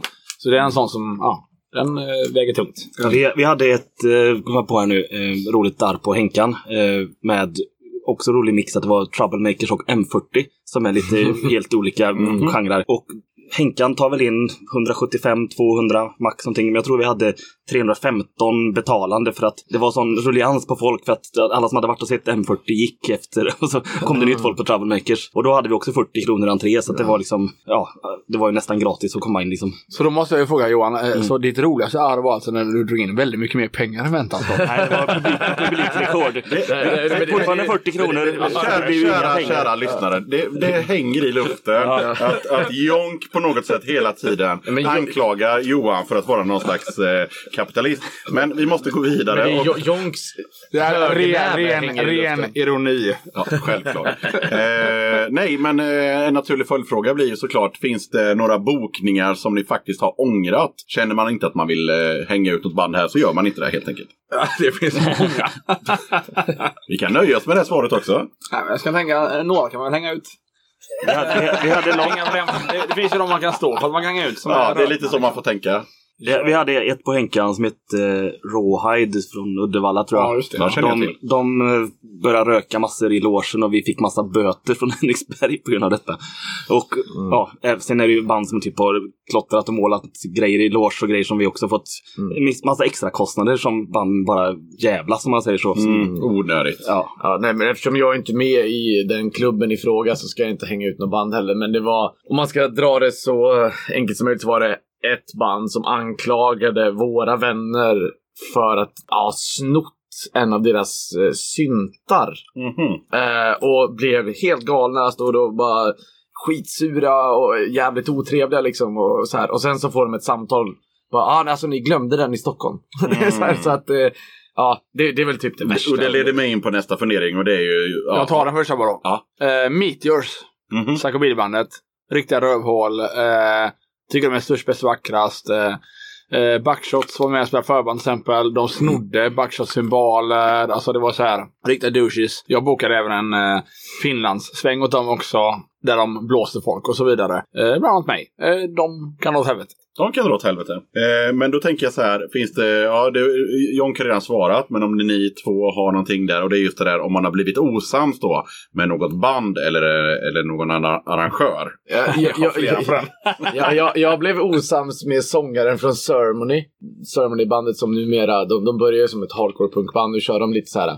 Men de har verkligen så här, varenda skiva de har gjort har låtit väldigt annorlunda. Nu kör de lite mer så här Joy Division-stuket. Vi vart, han vart asförbannad för att jag drog med honom för att han bara oh dude, I'm gonna sleep with this chick man. You can't drag me out. Jag bara, oh, you, you need to go, you need to go home because you're leaving tomorrow morning for the flight. Så att han var sur på mig för att han inte fick ligga. Det, det är nog bland de eh, värre. Annars är nog de flesta band är jävligt trevliga och uppskattande liksom. Så Vad att, säger ja. Johan? Jag har heller inte råkat ut för så mycket bråk eller strul med att folk är otrevliga. Att många tycker det är kul att komma och spela och liksom uppskatta det man gör. Så att jag har inte haft speciellt mycket krångel med Däremot har jag en eh, fråga som är 100% riktad till Johan och det är Klubb Punkterad. Göteborgs äckligaste punkklubb. Alltså, jag har varit på Punkterad flera gånger och jag tycker väl inte att det är särskilt äckligt. Nej, det är väl en gammal slogan som eh, Oscar skrev eh, redan i begynnelsen. Eh, där vi, ja, det var innan jag var med tror jag till och med. Så den har hängt med bara. så han, är, han har 13 år på nacken kanske. Ja, okej, okej. Vad, um, om vi fortsätter på, på punkterad, vad, vad har punkterad på G? För det var svårt att hitta någonting om. Eh, ja, det är inte släppt än, så det blir en liten premiär här nu då. Ah, Eh, okej. för vi har avvaktat för att få färdigt ett tredje band till spelningen. Men i fredagen den 26 maj eh, så har vi bokat Wolf Brigade som är en jävligt kul bokning faktiskt. Och fredagen 13 är bokade också. Men det är tredje band kvar och vi kommer köra på Truckstop. Men det är inte satt, eh, vi har inte liksom kommit överens med, eller ja, vi har inte satt våran budget än så vi vet inte riktigt inträde och sådär. Det beror lite på sista band och sådana saker. Det är lite finlir kvar helt Ja, enkelt. precis. Men det kommer bli en jävla Och sen har vi skiva. ytterligare en bra bokning i början av november. Som, då har vi bokat Oi Polloi. Och Oh jävlar ja! Oh Här kommer det. Här kommer Appendix det. från Finland. Vad sa du? det? Appendix från Finland. Appendix, ja. Så att det blir Nice. eh, det är fyra band som kommer att spela då. Ett eh, koncept. De andra två är lite okända, men det var ett färdigt paket som vi fick så. Mm. Eh, Dock är det en torsdag, så vi får se om det kommer något. kommer vi in på det här med vardagsspelningar Ja, igen. precis. Eh, Jag måste vara där. Ja. Eh, var det här en eh, förberedd fråga? För jag, i det här med att det var lite tyst som poängterade och så bara droppade han bomber här nu. Ja, nej, det var... Det Johan? var high five. Det är, Johan, det är Johan och Donald Trump. Droppa bomber bara. Ja, och ni kan ju räkna ut med röven och en krita att eh, de två följande frågorna är ju helt enkelt vad har Up the Punks på G och vad har Showdown Slacker på G?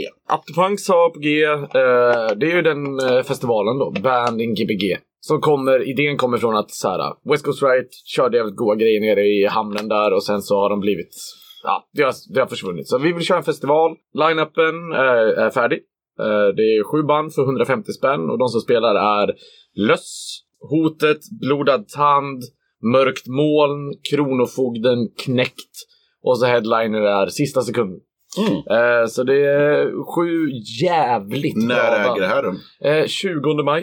Det är Så mycket att, i maj alltså. Det är väldigt bra att du sa 26 maj. Så att det inte krockar. Nej, Men det, nej, det, har vi det, det, är helgen innan. Eh, vi kommer släppa det också. Det har vi inte gått ut med heller. Men det kan vi göra nu. Precis också innan, så Ja, att man får ja. sig hem till Mm, ja men precis. Eh, men vi släpper biljetter nu på onsdag. Eh, biljetter, vi kommer släppa 100 Det förköp. släpptes för två onsdagar sedan. Ungefär. Nej, men bi- biljetterna kommer, det är 100 förköp och resten kommer vara i dörren. Och förköpen är till för att jag vet att många kanske vill komma från andra städer och sådär. Eh, och sen eh, så har vi varit i samtal med eh, Oceanen och i höst så kommer vi förmodligen börja köra klubbar där. Och en annan sak vi inte gått ut med är att vi kommer köra Banning Gbg i höst också. Vi känner att varför bara ha festival en gång om året? Fan, vi kör två. Så att eh, vi jobbar med att boka band till den. Så att det är ingenting klart än, men mycket goa trådar ute liksom bland goa band. Så att, eh, Vad har Jong för breakers här nu då? Breakers? Nej, man kan säga så här. Jag menar, Slacker kör ju på i vanlig ordning. En gång i månaden så. Och eh, Showdown ligger på is just lite nu. Men som det ser ut nu så kommer Showdown starta igång i eh, kanske september ungefär igen. Med en eh, ny rolig lokal som vi alla gillar. Eh, och det är väl det sista kvar där att pilla med den. Eh, och det ser jag sjukt mycket fram emot. Och det är väl min största pepp just nu. Sen har jag en del andra band som, eh, det är inte helt klart ännu. Men jag nämnde dem innan, Birdcloud, för att alla ska fan lyssna på dem. Om man inte gillar de två tjejerna kan man dra åt helvete. Så enkelt är det. Det är världens bästa band. Och det är min dröm lite att få sätta upp det. Och det kommer jag göra med både Kim, antingen om det blir show, Slacker Showdown, man vet inte. Men eh, jag så här, jag, de bokningarna jag har som är nästan klara. Ja, det enda jag har, jo, det enda jag har, jo, det får jag säga. Det är ju tack vare såklart Johan Sundberg då. Eh, Los Fastidios eh, kommer jag köra eh, i hösten också. Härligt. Så det blir nice. Och det andra kan jag, vill jag inte säga innan det är klart. För att Nej. eh, det var tråkigt om det skiter sig helt Ja, enkelt. precis. Då står jag här som enda skrävlare. Och det är jag inte! Men eh, vi går vidare och eh, riktar eh, fokuset på Robin. Jag lyssnade på ett gött avsnitt av eh, Up the Punks. Eh, Som vi pratade om innan här. Även om ni har lagt ner så kan man fortfarande lyssna på er på Mixcloud. Så heter det. Eh, Och då var det ett avsnitt eh, som handlade om punkestetik som är från 2015. Och där tänkte jag sno en fråga och ställa till gänget här idag. Och det är är det okej att ha på sig en t-shirt med bandet som ska spela när man kommer till stället? Eh, man dubbelmerchar aldrig. Det är enda viktiga grejen. Jag, jag säger Du som... behöver inte ruta dig fram heller. jag, Du har hört bra ändå. Ja, man dubbelmerchar aldrig. Nej. Men, jag, jag men säger som jag sa 2015, man har, ja, man dubbelmerchar fan inte. Det gör man fan inte. Det, det är okej. Alltså, det, Vad säger Johan? Kommer man på en Asta Kask-konsert med, med, Nej, med tar- en fyra år gammal Asta Då kommer man, tar man på sig en Cosa Nostra-tröja istället. Ja, okej. Men, men ju- men just dubbelmerchen är den förbjudna ändå. Ja. Den med både väskan Ja. och... Eh, Den enda gången dubbelmerch är tillåtet, det är om man typ, ja, spiller ner sin t-shirt och bara såhär, fan jag måste ha någonting på mig och köper t-shirten då. Då är det fine. Ja, men då har du köpt den där. Ja, fast du Men jag, jag, jag, jag tänker på de här som kommer Ja. du vet, med Ulf Ja. Lundell 89 t-shirten till Ja. Trädgården 2017. ja. ja, ja, men det, det är väl också att man visar man länge. Det väl precis som så här. Jag såg dem när någon kommer och säger Ja, det här var ett grymt gig. Ja, jag vet. Fast inte lika bra som när jag såg dem då och då. Och det Ja. säger de flesta man känner eh, Och jag kom på en, en, en, en följdfråga på det här med en gång. Och eh, superintresserad av att höra vad ni har att säga om det. Och det är, är det okej att ha sitt egna bands t-shirt på sig när man spelar? Och du har ju betalt för skiten så att... Jag vet inte. Nej, alltså om man... Eh, Eh, Menar du privat också eller? Ja, du menar... Nej, så du är med i ett band. när man står på och scen, ni, menar du? Och ni heter eh, Tom. Baleo? Och så, så är det okej om man heter Jimmy Öst. och så har du liksom den t-shirten på dig. Nej, men Det är väl alltså, ganska vanligt ändå. Nej, alltså de enda som gör det som jag känner till är ju Iron Maiden. Typ det hela bandet står med, med Iron Maiden t-shirtar. Som att man Ja, säger men- stating the obvious. Jag men- men jag- jag- band som har Men, men du, jag- jag- känner ju Jimmy Öst. Vadå? Vad, Men- men brukar jag- han jag- ta- Tom Baleo stole my virginity. Vet du hur ofta han hade den tröjan eller? När de spelade? Alltså han hade den jämt. Ja, men det spelar ingen roll. hallå Jimmy, hallå Jimmy. Nej, jag, Nu jag, pratar vi om att stå på scenen. Ja, Jag, tänk, jag, tänk, jag tänker att större band som typ Maiden, eller Poster, jag ser här borta, Slayer. Misfits. Ah, nej, men, ja, och Misfits här och det är så här, de, de större banden, eh, Motor. Motorhead, de spelar inte så mycket nu längre. jag vet inte varför riktigt. Men eh, nej, men alltså de är ju reklampelare på ett annat sätt. Om ett band står på scen och de har sin egen merch, då, det, ser, det ser lite... Jag lite tycker det är konstigt. man får tänka så här också. Tänk på att man är på turné. Eh, man kanske inte är så... Eh, har packat sådär bra och så vidare. Det är väldigt många Så band fresh. som jag har varit eh, och turnerat med. Som merchväskan. Ja, som typ, Ja. ja, jag får låna den här nu. Alltså, ja. På riktigt, det är många som gör det av den anledningen också. Så Ja, jag tror, jag tror inte det handlar om att de vill så här, bara promota, bara gå och köp merch. Det ser, Jag lö- det ser löket ut, alla vet om det. Ja. Gör man det gör man av någon anledning. Men jag Antingen tänker- är man dum i huvudet eller så har man brist på tröjor. Ja, men, ja, Ja, men lite så. Lite så Ja, för men, jag, har du inte haft möjligheten att tvätta på tre veckor, då förstår jag ändå att bara, ah, men jag snor en Vad fan, merch dra den ut och in då. Jag tycker det är råostigt, men skitsamma. Vi går över till en jonkfråga. Berätta lite om Pingisklubben, den här Ja. oändligt eh, långa historien. Och eh, även då det mer nytillkomna torsdagsbowlingen. Ja, okej. ja. Ehm, Pingisklubben. Wow, fuck. Det var inte jag. Det var Johan. Johan Sundberg. Ehm, Du har gjort. men nej, okej. eh, Pingisklubben börjar med att eh, jag och Matilda hade inte umgåtts eh, på så länge. Och då hade det alltid varit min bästa vän. Så var det, då jobbade hon i kaféet på eh, Pustervik. Eh, så fanns ett eh, pingisbord där. Så drog vi igång där att vi kör pingis på eh, måndagar. Bara för att vi skulle ha ett kontinuerligt häng egentligen. Eh, och det var ju då min eh, pappa gick bort också. Eh, så jag hängde väl väldigt mycket på krogen kan man säga. Så det var att väldigt många vänner till mig dök upp där också för att ja, eh, hänga och supporta lite och så. Och sen blev den ett monster till slut sådär. I början så var det bara verkligen bara vi och vänner och vi promotade inte så heller egentligen. Eh, men sen började vi göra det och ja, det blev ett välkommet tillskott kan man väl säga. Det man gör på Pingisklubben är ju då att man lirar rundpingis. Ja, man kan säga så att man, eh, man lirar rundpingis eller dansar eller dricker bärs. Eh, sen kan vi säga den roliga biten då som eh, jag vet att, de, att dina lyssnare lyssnar eftersom det är många perverterade jävlar kommer gilla det här. Eh, och det är ju att eh, gamla Pustervik då så var det ju eh, det var klagomål på en klubb och det var ju från städerskorna när det gäller pingisklubben för att det alltid var så mycket använda kondomer inne på den här gömda toaletten som var lite längre bort. Det, klass, det klassiska pingisknullet. Som de som flesta känner var. till. ja, som tydligen var. Du, pingisklubben spelar han fan inte fick pingis. Alltså, Han "Tja." han Stellan Bengtsson, han måste ha fått ligga. Ja, fortsätt. Och eh, därav det roligaste då med gamla kända pingisspelare såklart Nicke Ström eh, ringer mig där en dag och bara du måste komma hit nu. Då har jag med sig Jörgen Persson som fick eh, dricka shot med där uppe. som även var med och spelade pingis. Och som för övrigt ska DJa på pingisklubben. Oh. Och han gillar mycket garage och punk som han vill spela. Shit, Väldigt det roligt. perfekt. Bowlingen, ja. Det samma grej så här. Alla gillar ju att bowla liksom. Det är väl roligt. Eh, oftast är det dålig musik i bowlinghallar.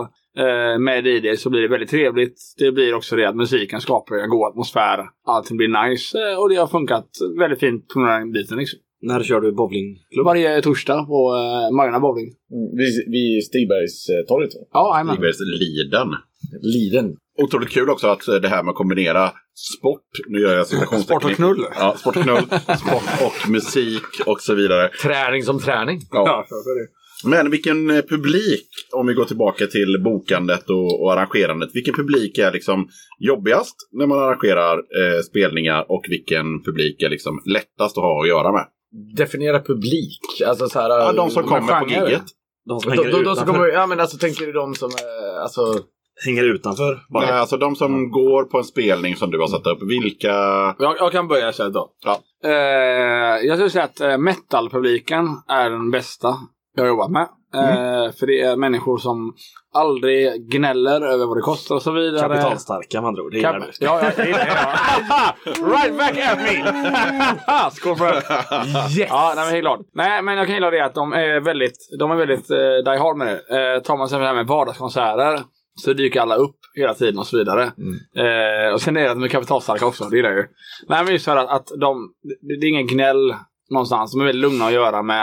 Eh, de kommer, vissa tycker de ser lite farliga ut, men det, är, det, det, ja, det är väl lugna och goa. Hiphoppare, värsta jag jobbat med jämt. För att varje gång man hade hiphopklubb så står man där och bara fan det, det här var en bra kväll och så vidare. Ja just det, vi glömde av att det var 6000 för sanering eftersom alla var tvungna att tagga och så vidare. Mm. Eh, och den biten. Och plus mer bråkigheter. Så hiphopen har jag mer problem med. Eh, metalfolket. Faktiskt alltid varit den lugnaste. Så att eh, ja. Jag är ingen jävla punkare här inte. Jag älskar metal. Jag hatar metal. Men eh, ja. Vad säger, vad säger Johan? Ja, jag har ju bara arrat egentligen med punk och hardcore och det har varit ganska städat generellt. Men Nå- inte någon skillnad när du har någon typ av inriktning liksom på kvällen? Att det blir brötigare om det är oj-punk än om det är trallpunk? Nej, eller? inte. Så när du körde Vrävran Ja, jag, till tänkte, exempel. precis, eh, jag tänkte precis på Vrävarna. Det är väl Ja. möjligtvis eh, de kan locka lite konstigt folk. Men Okej, könsrock är Ja. lite okej. ja. Jag, eh, jag, jag, jag skulle vilja säga ja, men så här punk och hardcore har jag mest varit på och arrat liksom. Och även alla, alla krustare, de är bäst i världen. För de kommer dit fulla och glada och bara så här, "Ja, fan. Och sen så ser man dem stå och dansa tryckare. Det är liksom på något vis att ju finare, alltså i det, de citationstecknen jag gör nu syns inte riktigt. Men ju finare det är, desto mer klagomål och krav kommer. Ja, men så- gnäll så liksom. framförallt. Ja, gnäll. Men, men, men, gnället men det, är exakt det jag var inne på. Ja, ja, ja, men med, precis. Med hiphop-biten och så. När det Ja. folk var flashiga och så vidare. Ja. Fast de är mer vidriga. Berätta om eh, något dråpligt minne från eh, något gig som man har arrangerat. Och då kommer vi in på ämnet igen här om att vill man inte hänga ut personer eller band så kan man hoppa över det helt enkelt. Jag har till och med highlightat att man ska verkligen tänka på att eh, vill man inte hänga ut någon så Jag kan man hänga inte. ut någon direkt. Jag har ja. inga problem med det. Det dråpligaste minnet för mig är uh, första gången jag bokade Dementor Go. Mm. Uh, Psychobilly-bandet. Mycket Och, eh, psychobilly som är dåliga. Vad sa du? Mycket psychobilly-band som inte har skött sig. Nej, fast det här, det här handlar om att det är en dråplig historia. Ja, okej. Mm. Jag gillar dem verkligen. De var absolut inga rövhål. Det var bara väldigt konstigt allting. Det var dråpligt. En dråplig historia.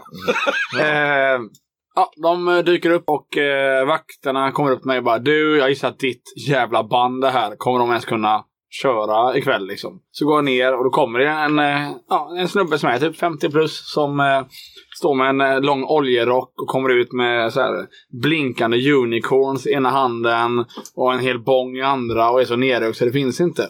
Eh, och som sen går upp och eh, ja, är så nerökt så han däckar uppe eh, när han ska lägga sig innan soundcheck. Och man bara okej, det här kommer bli jobbigt. Spelningen gör han sen jättebra. Sen efter det så händer det konstigheter. Efter spelningen, det är jättebra gig och det är så här, även i hans tillstånd så är det, det är kanon verkligen. Men eh, sen hamnar det här att han börjar gruffa med merch-killen. Och det slutar med att merch-killen som är en sån, ja men som man tänker som en klassisk eh, nazist alla 93, så stor. eh, klockar honom. Ni vet alla hur en klassisk nazist alla 93 Ja, ser ut. väldigt stor, eh, jävligt ful svennebanan helt enkelt. Med tribaltatueringar. Ja, nej, men mycket gaddar i alla fall. Ja, Mycket okej. gaddar. Mm. Men han sänker ju sångaren och sätter sig över honom och börjar mata gig på sångarens sparken när han ligger ner. Eh, och jag och vakten kommer rycka undan honom. Och eh, det är ett jävla liv där liksom. Såklart. Bandet drar sen till hotellet. Eh, vi tar hand om Sparky. Sätter honom en egen taxi bort sen för att han, det, det är nog inte läge att han ska träffa de andra så mycket mer. Dagen efter ringer bokningsbolaget eh, och har panik för att eh, bandet har avbrutit turnén. Eh, har dragit till Tyskland, slängt in allting i Sparkys rum och lämnat honom där. Så, jag- så och ber mig komma upp och hämta den här. eh, Så jag vi och hämtar honom. Han är mest intresserad. Är min longboard kvar eh, på Henriksberg? Eh, Ja, vi kan kolla. Så vi, vi följer upp dit. Eh, hänger med honom. Eh, lyckas med faktiskt eh, bland de bästa grejerna jag gjort som arrangör. Att jag, eh, för att han har också ett, det här är så konstigt, men han har ett pass som inte eh, fungerar helt. Alltså, och det är, ett, det, är, det är verkligen bara ett suddigt ansikte på det passet. Så han måste flyga hem till England för att få ett nytt pass för att kunna sen komma in till eh, Holland och till Rotterdam han bor. Så eh, då måste han spela i Oslo, för flygbiljetten är ju därifrån och så vidare, hem till England. Och han vill inte åka till Oslo för jag bara, bandet är ju, eh, det, vi kommer inte kunna göra det här gigget. Jag bara, men jag tror jag kan lösa det här. Så jag ringer förbandet, som vet är Dementor Go-fans, och hetsar dem allt. Okej, ni får vara Dementor Go för en kväll. Ni kan ju under första skivan. Och de bara, vad fan det här är ju... ja.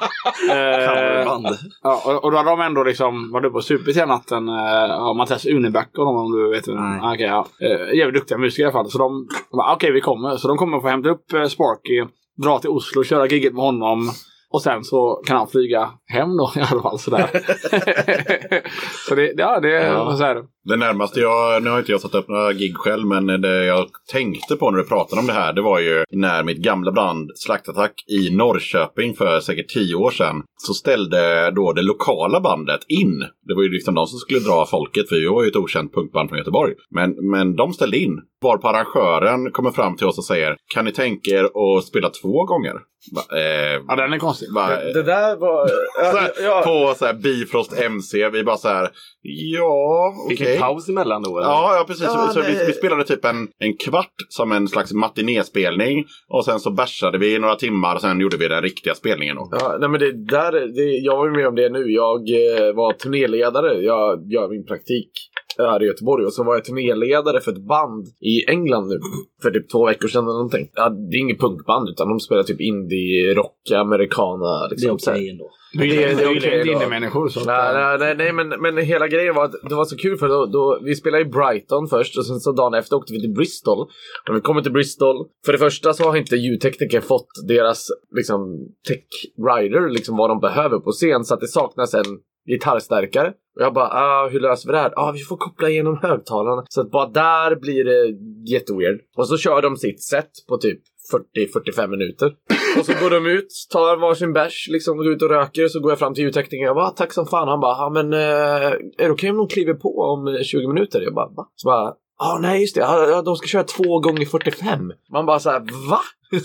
Och de bara, ja ja, vi kör väl då. Och det, Ja, det gick ju, det gick ju. Ja, ja. Som tur är. Men fatta om det hade varit ett band som typ bara, ja vi har en, en demo. Mm. Liksom. Det, ja, jag vet inte. Mana Va- va- Mater va- hade ju krav på två timmar eh, på en torsdag i Spanien nu och där. Det är nog bra. Det är nog bra. Ja, vad har eh, Johan i bagaget vad det gäller dråpliga historier? Ja, inte mycket heller faktiskt. Alla- Det, det verkar bara så här flyta på på Det har här punkterade. Jag kan- jag kan- punkliga jag punkten. kan- kanske har någon dråplig till då. Ja. Ja. Eh, Det här är den konstigaste kvällen jag arrangerat. Eh, Mark Saltan första gången eh, garage.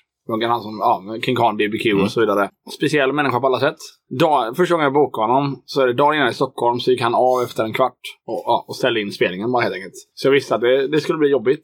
Eh, vaknade upp på lördagmorgonen. Jag har 19 missade e-mail eh, mellan 07 07.23. Det är nog bra att skriva En i 19 minuten. mejl. Ja. Så här. Jävligt så. Och så svarar han bara, ja det är lugnt, jag kommer ner och möter dig. Möter upp honom och så här, han var lugn för att eh, han hade blivit lämnad på flygplatsen dagen innan. För det var misskommunikation. Det bokningsbolaget var jävligt struliga, inte arrangören utan det var verkligen bokningsbolaget. Så därav flippade han liksom. Eh, åker ner och hämtar honom, åker upp, käkar. Eh, han spelade på Henriksberg då. Det var julbord. Eh, men det är den här roliga grejen att helt plötsligt så, eller roliga, det var traumatiskt. Men det kommer in så här 60-70 så här, eh, också så här. Tänk dig nazisten 93. Sådana killar liksom. Kommer in och, och går fram till baren och bara Åh, sprit tack. Sexa, skit eller vad det är. Sådär. och han... Eh, han blev nojig för han har varit så här lugn. Han bara, vad är det här för människor? Jag bara, men... Ja, det är något företag, kanske en byggfirma säger jag fördomsfullt. eh, men eh, han bara, kan du kolla vad det är? Jag bara, visst, så går jag fram. Och då kommer ju den att, då, då pratar jag med Lina som ägare då. Bara, åh den här firman, eller så här, bolag, bolag, vi är med i en firma. Så, så. Då var det ju Weissman, eh, ja, för de som inte vet det då, IFK Göteborgs jävla huliganfirma. Vi hade en Då skulle ha, eh, skulle ha julbord helt enkelt. Eh, när jag ska ha den, den, en artist som verkligen behöver lite mer lugn och ro. Eh, sådär. Så det, börjar väldigt eh, dåligt där. Sen fortsätter den här kvällen. Eh, det här är den konstigaste kvällen jag har arrangerat. För att några av dem är kvar där och det är lite jobbigt att de är där. För det blir ju som det blir. Man kan inte gå på pissoaren utan att skita ner sig ungefär. Liksom. Jag står och pissade och det är så här. Ja men eh, eh, var du fittan som gick in i slagsmål sist? Du vet sådana grejer. Så man bara nej nej jag, jag står här. Efter spelningen så eh, får jag ett besked att en vän till mig har eh, begått självmord helt enkelt. Eh, så jag får den. Så när jag ska inom gaget så sitter jag ju bara och storbölar. Eh, och han kommer fram och frågar vad som hänt. Och jag bara ja nej fan eh, jag, ja, det här har hänt. Och då är ju Mark så här, han bara, ja men då, då måste jag gå med dig vidare sen för så får vi gå. Och så känner jag så här, jag mår jättedåligt nu. Ska jag ha med dig vidare också här som jag behöver ha koll på? Men han är väldigt på sig att få göra det. Vi går på en svartklubb, vi kommer in dit, vi står och pratar vid ett bord och helt plötsligt så kommer en annan kille in med en spade och vevar tre gånger i huvudet på en annan kille så vi tror att han har dött.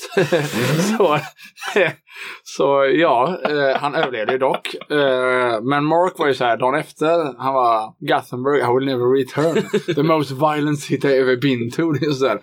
Nej, Huliganer, vi har självmord, vi har även mordförsök. Ja, han... eh, Helkväll. Jo, om, eh, om det finns någon som lyssnar på det här och blir eh, sugen på att dra igång en klubb eller bokningsförening eller liknande. Vad har de här herrarna för konkreta råd? Ja. Gör det inte kanske? Jo, det är klart man ska göra det. Ja. Det är egentligen bara att hitta en lokal och band som vill spela. Svårare än så är det inte.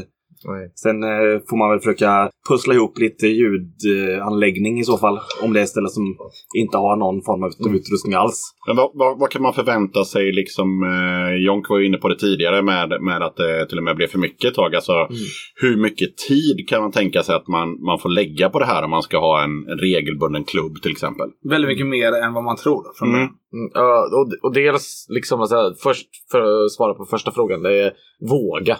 Mm. Våga. Bara, vill du göra vill du göra din skit, gör din skit liksom. Men eh, ja, som Jonk sa, förvänta dig att det tar mer tid. Alltså, så här, när, när jag började så tänkte jag bara, ah, ja men det är soft. Men sen så är det liksom, du, du har månader, månader där du förbereder.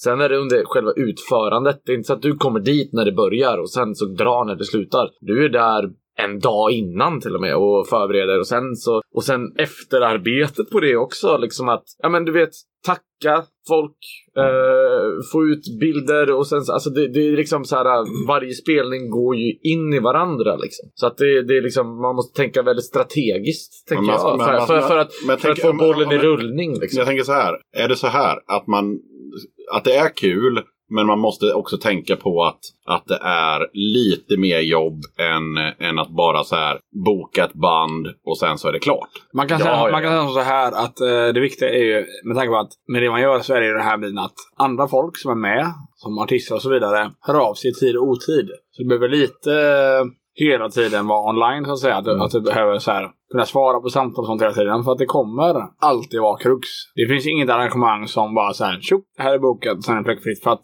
även om du själv skulle göra din del bra så finns det alltid andra element. Det är så många, ju fler kockar och så vidare. Men skulle det till och med kunna vara smart att ha en eh, alltså typ kontantkortstelefon bara till det här? Så Nej, du kan... ska inte langa knark, du ska göra Nej men, jag, nej, men jag, tänker, jag, tänker, jag tänker just för att man inte ska kunna... Ska vi ha en burner? Nej, men för att man ska kunna liksom lägga det här åt sidan och, och så att man inte lever med bokandet hela tiden. Fast där, där har du problemet då att, eh, som vi pratade om innan om nätverkande och så vidare. Mm. Så är det ju det var ju många som rekommenderade till mig när jag var för mycket. Men det är ju det att när jag hade hemtelefon till exempel. Mm. Ja, jag är så gammal. Jag hade hemtelefon Robin. Jag har också haft hemtelefon. Ja, exakt. Men då var det ju det. Eh, när jag, när jag, om jag valde så här, okej nu får min eh, mobil eh, ligga här.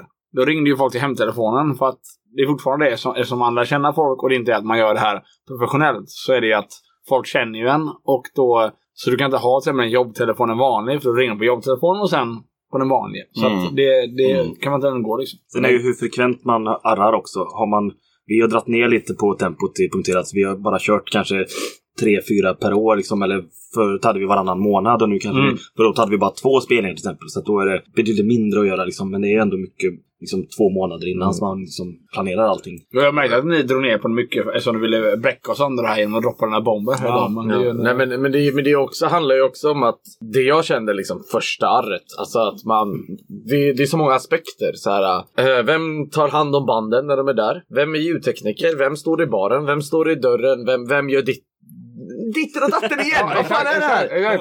Skitsamma. Vem- gör vad liksom? Alltså att, att, att det, det jag upplever är ju också dels det här nätverkandet som vi har pratat om, men, men också att jag startade, jag, jag skrev ut på min Facebook, skrev jag, hej, vilka skulle kunna hjälpa mig med det här? Så nu har jag en grupp med människor där många utan många polare liksom som, och Volontärarbete. Ja men volontärarbete och så säger man bara så här, ja men står du i baren här så får du så här många, då får du gå på så här många gigs som vi gör gratis liksom. Och jag tror på det, jag, jag tror väldigt mycket på samarbeten, inte bara, inte bara liksom med ens nära och kära utan även över gränserna liksom. Som, eh, Jag kan inte gå ut med det gigget än, men det kommer vara, det kommer vara helt... Ja, det kommer vara nice som fan. Hur mycket kommer du behöva lägga av din fritid om du bestämmer dig för att hålla på och, och boka Ja. band i Ja. större eller mindre skala liksom?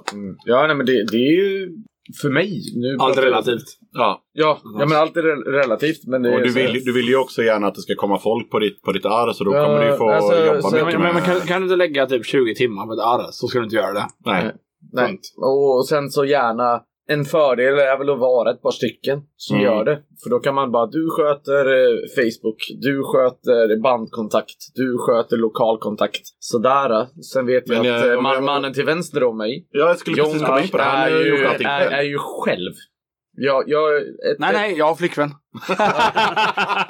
Nej, Ta med men, det, nej, ta men, med det. men ett, ett, ett, min, ett minne jag har, det var om det var förra sommaren så träffade jag dig på krogen innan och eh, du berättade om det här gigget du skulle ha. Jag kommer inte ihåg vilka band det var. Men Det var, MDC. ja, MDC. Ja, nej, nej, men det var, nej, det var Men inte det det det- Men det var Rö Röda Sten var det. Ja, ja, men det var ju gamla, eller nya Henry Fias. Uh, Friends of Glory. Ja, men precis. Friends of Dorothy. Och du frågade om jag kunde hjälpa till. Och jag bara, ja, lätt. Kommer till Röda Sten och möter bara Jonk.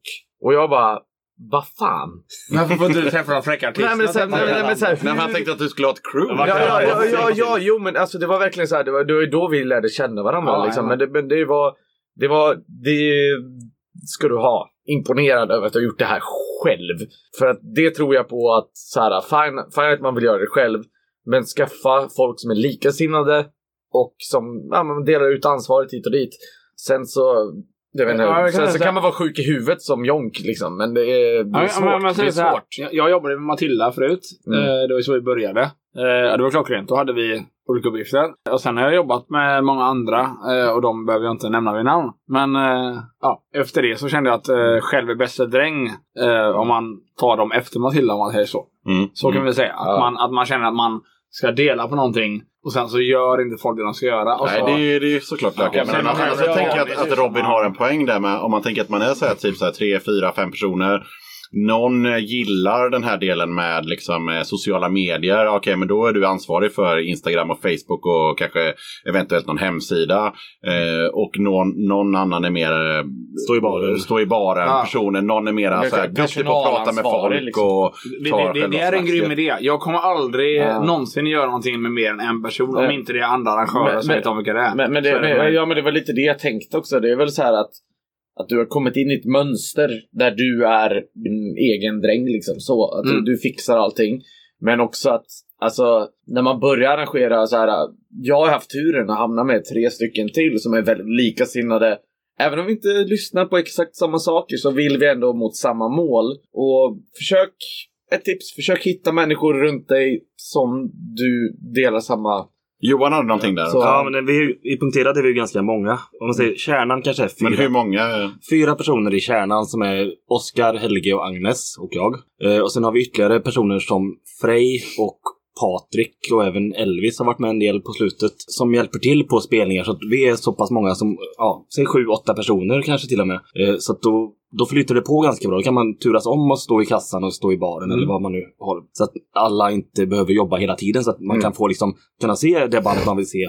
Ja, byts det. av med varandra. Ja. För att när man är arrangör då vill man kunna se bandet man har bokat också. För oftast gillar man det själv väldigt bra. Mm. Är det, innan ni åkte hit och eh, till lyssnarna kan jag säga att eh, alla åkte hit på alla möjliga olika sätt. Så det var ingen som tänkte så här, ja men vi tar samma båt och så åker vi till Lindholmen. Eh, Utan, Jag tänkte att yxans instruktioner är yxans instruktioner. Så länge jag har känt dig så är det så. Att det är väldigt viktigt. Så Och jag, jag och. Johan är lite mer rädsla. så vi sket i det. Så det åktes lite hur som helst. Men till slut så kom ju alla hit i alla fall. Och då tänkte jag så här, eh, var det någon fråga som ni hade förberett er på när ni satt på bussen? Eller då som lite lyxigare jonk med sin champagne på båten. eh, hade liksom tänkt skulle komma som inte har kommit. Som inte har kommit. Ja, någon som ni satt och förberedde. Han kommer säkert fråga det här och så har jag inte gjort det. Jag tycker att du har Fått med det mesta. fått med det mesta. Faktiskt. Det är mm, både det här liksom med... Historik och kommande och sådana Ja, men precis. A- absolut. Jag har ingenting jag... Nej, jag skulle säga att... Eh, Att du har flickvän. Ja, ja, ja, eh, jag vill säga... Ja, Jonks Ja. eh, relationsliv. Ja, nej, men, det var- jag, jag bara säga att jag har flickvän, det borde du börja en fråga med, och säga så här. Jonk har flickvän och vad hände med Johans oxymoron-keps? Det är väl en eh, väldigt... Eh, Jag har ju en Defiance caps nu då. ja, det har du, men den är inte lika bra. Så här, jag, jag är singel by the way. Ja, just det. Ja, ja. Det här är min kontaktannons. Eh, Tinderpodden.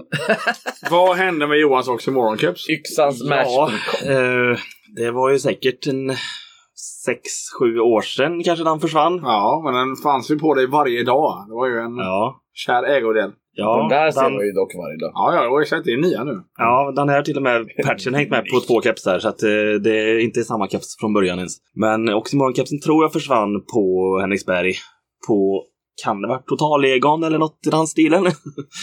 eh, ja, för en sex, sju, åtta år sedan. Jag tror det här kan vara den blekaste patchen jag sett i mitt liv. jag, kan inte ha en Men, Defi- eh, jag kan inte ha en Defiance t-shirt eftersom jag inte dubbelpatchad. Nej, man får ju inte dubbelpatcha. Det är Fuck dubbelmercha. Förlåt. Fuck dubbelmerchen. Ja, ja, Sorry. ja. Eh, jag tror jag i och för sig att jag gör det ibland. Men eh, att jag kanske har en t-shirt på mig och sen har jag patchar på min väst som är som... Ja, men det, men det ni har Ja, helt men rätt. nu, Alltså, menar man, min- min, ibland man kommer en keps min- och min- man eh, tröjan så känner man oj. Ja. Min, min favorit är när man lyssnar på ett band och möter personer som spelar i band på stan. Mm, och så har man 17 eh, merch på sig med Ja, det bandet man bara, samtidigt. Ja. Nej, men jag tänkte så här framåt slutet. Eh, först och främst tacka för, ett, eh, för en härlig podd. Eh, vi ska också ha en liten gruppaktivitet här på slutet. Åh, eh, kropp och knall. ja, det, blir inte, det blir väl mer som en liten workshop. Men, Är det nu vi klär av oss? nja, men kan vi så här framåt slutet på podden enas om ett gemensamt favoritband? Och då är det alltså att alla vi fyra tycker att det här är ett bra band. Som inte är från Göteborg och så är vi slöknivar. Ja, funkar. Nej. Okej. Ah, nu, nu förstörde du det här. Ja, men, tyvärr. ja, ja. Okej. Fan? Bäddat för trubbel. Ja. Ja. Ja. Nej. Okej. Ah, så Okej, sa men- Johan men- men- Ni Okej. ser, ni, ni ser, jag har bra förslag nu. Jag har tre och fyra. Tre av fyra Tre kommer och fyra ganska med ofta. två Ja. stycken. Tredje kommer komma här nu. Vi ser. Henry Frias Open Sore. Ja. Ja. Nej. Väx upp! För att jag inte hört det! Vi får tre av fyra hela då säger- tiden. Då säger, då säger Men, jag... men. Då säger jag... Nej, nej. Jag säger Jo. Axe Rash. Ingen aning vad du pratar om. Kom, kommer du ihåg Friends of. Dirty när du jobbade för mig? Mm. Hur mycket du gillade de jävlarna? Ja, de var goda. Ja. Eh, Det gamla bandet som sången hade, det är Henry Frias Open Sore. Vi ska, det ska du få lyssna på sen. Ja, men vi men kan det- fortfarande inte enas om att det är Nej, nej, det kan vi inte göra. Men, säga eh, det, Men det- vi ska trycka ner Henry Men, Frias eh, Open Story okej, i men men då- halsen på så här, så här, Absolut. eh, DS13. Nej. Jo. nej. Nej. Fel Men det är två. Nej, jag vet inte vad. Pro- Alla, men ja. Propagandi. Jag säger fortfarande Asta Kask alltså. Ja, trodde vi skulle... Eller Final Exit. Men Asta Kask, eh, du gillade dem svaren? Nej. Ja, jag gillar Asta Keffa. Nej, jag gillar inte dem. Asta Jag åkte till Trollhättan och ja. intervjuade dem på mick. Och Nej, jag- jag- var min nej, första usch. punksjua och så vidare. Strebers. Nej. Det är svår metallpunken va? Ja, Okej, men vad fan Fa- var... Men Final Exit. Nej, inte chans. Nähä. Jag säger Men ja. vad fan, Dead Moon, era jävla idioter. Ja, Dead Moon. Ja! Dead Moon. Nej. Jag Piss Johan! Jag är så enkel. Dead Moon bara nej. Vi gör det svårare. Eh, totalitär. Ja, Ja. Ja. vi älskar totalitär. Yes! Eh, jag, jag, jag, jag, jag måste även dra den att jag hade det eh, under två års tid. Eh, när vi hade F-fester så satte jag alltid på sin egen motståndare. Jag vet inte vilken låt jäveln var, men nummer 26 på plattan i alla fall. Såg mig själv i spegeln och Så fick folk med att om, om du sätter texten med när du har den här boken framför dig och du kan sjunga med i den. Ja, så bjuder du på allting. Och så satt alla så här. "Åh!" Och ing, ingen kunde ju. Det går så jävla Men, men tack så jävla mycket för att ni ville vara med. Och eh, är det någonting som vill tilläggas från eh, de här tre herrarna så är det nu ni gör det. Det är bra. Det är bra säger Johan. Eh, tack så fan för att få vara med här. Det var svinkul. Eh, kom på våran festival i maj. Det blir svinfett. Följ Döda katten, följ eh, jonk.se, följ Punkterad, följ oss jättegärna också. Kom och ha det gött på våra spelningar. Klipp bort allt. Jonk.se. Klipp bort allt. Uppdatera aldrig. Ja, eh, känner ni klara? Ja. ja. ja.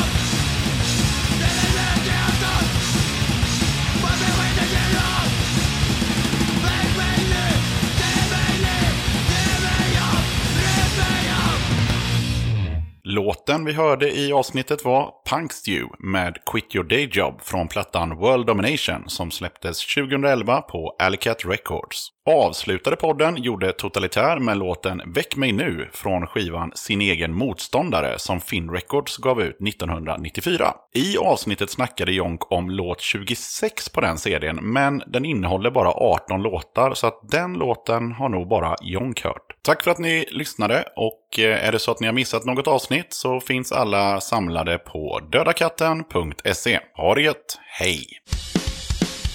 Döda katten!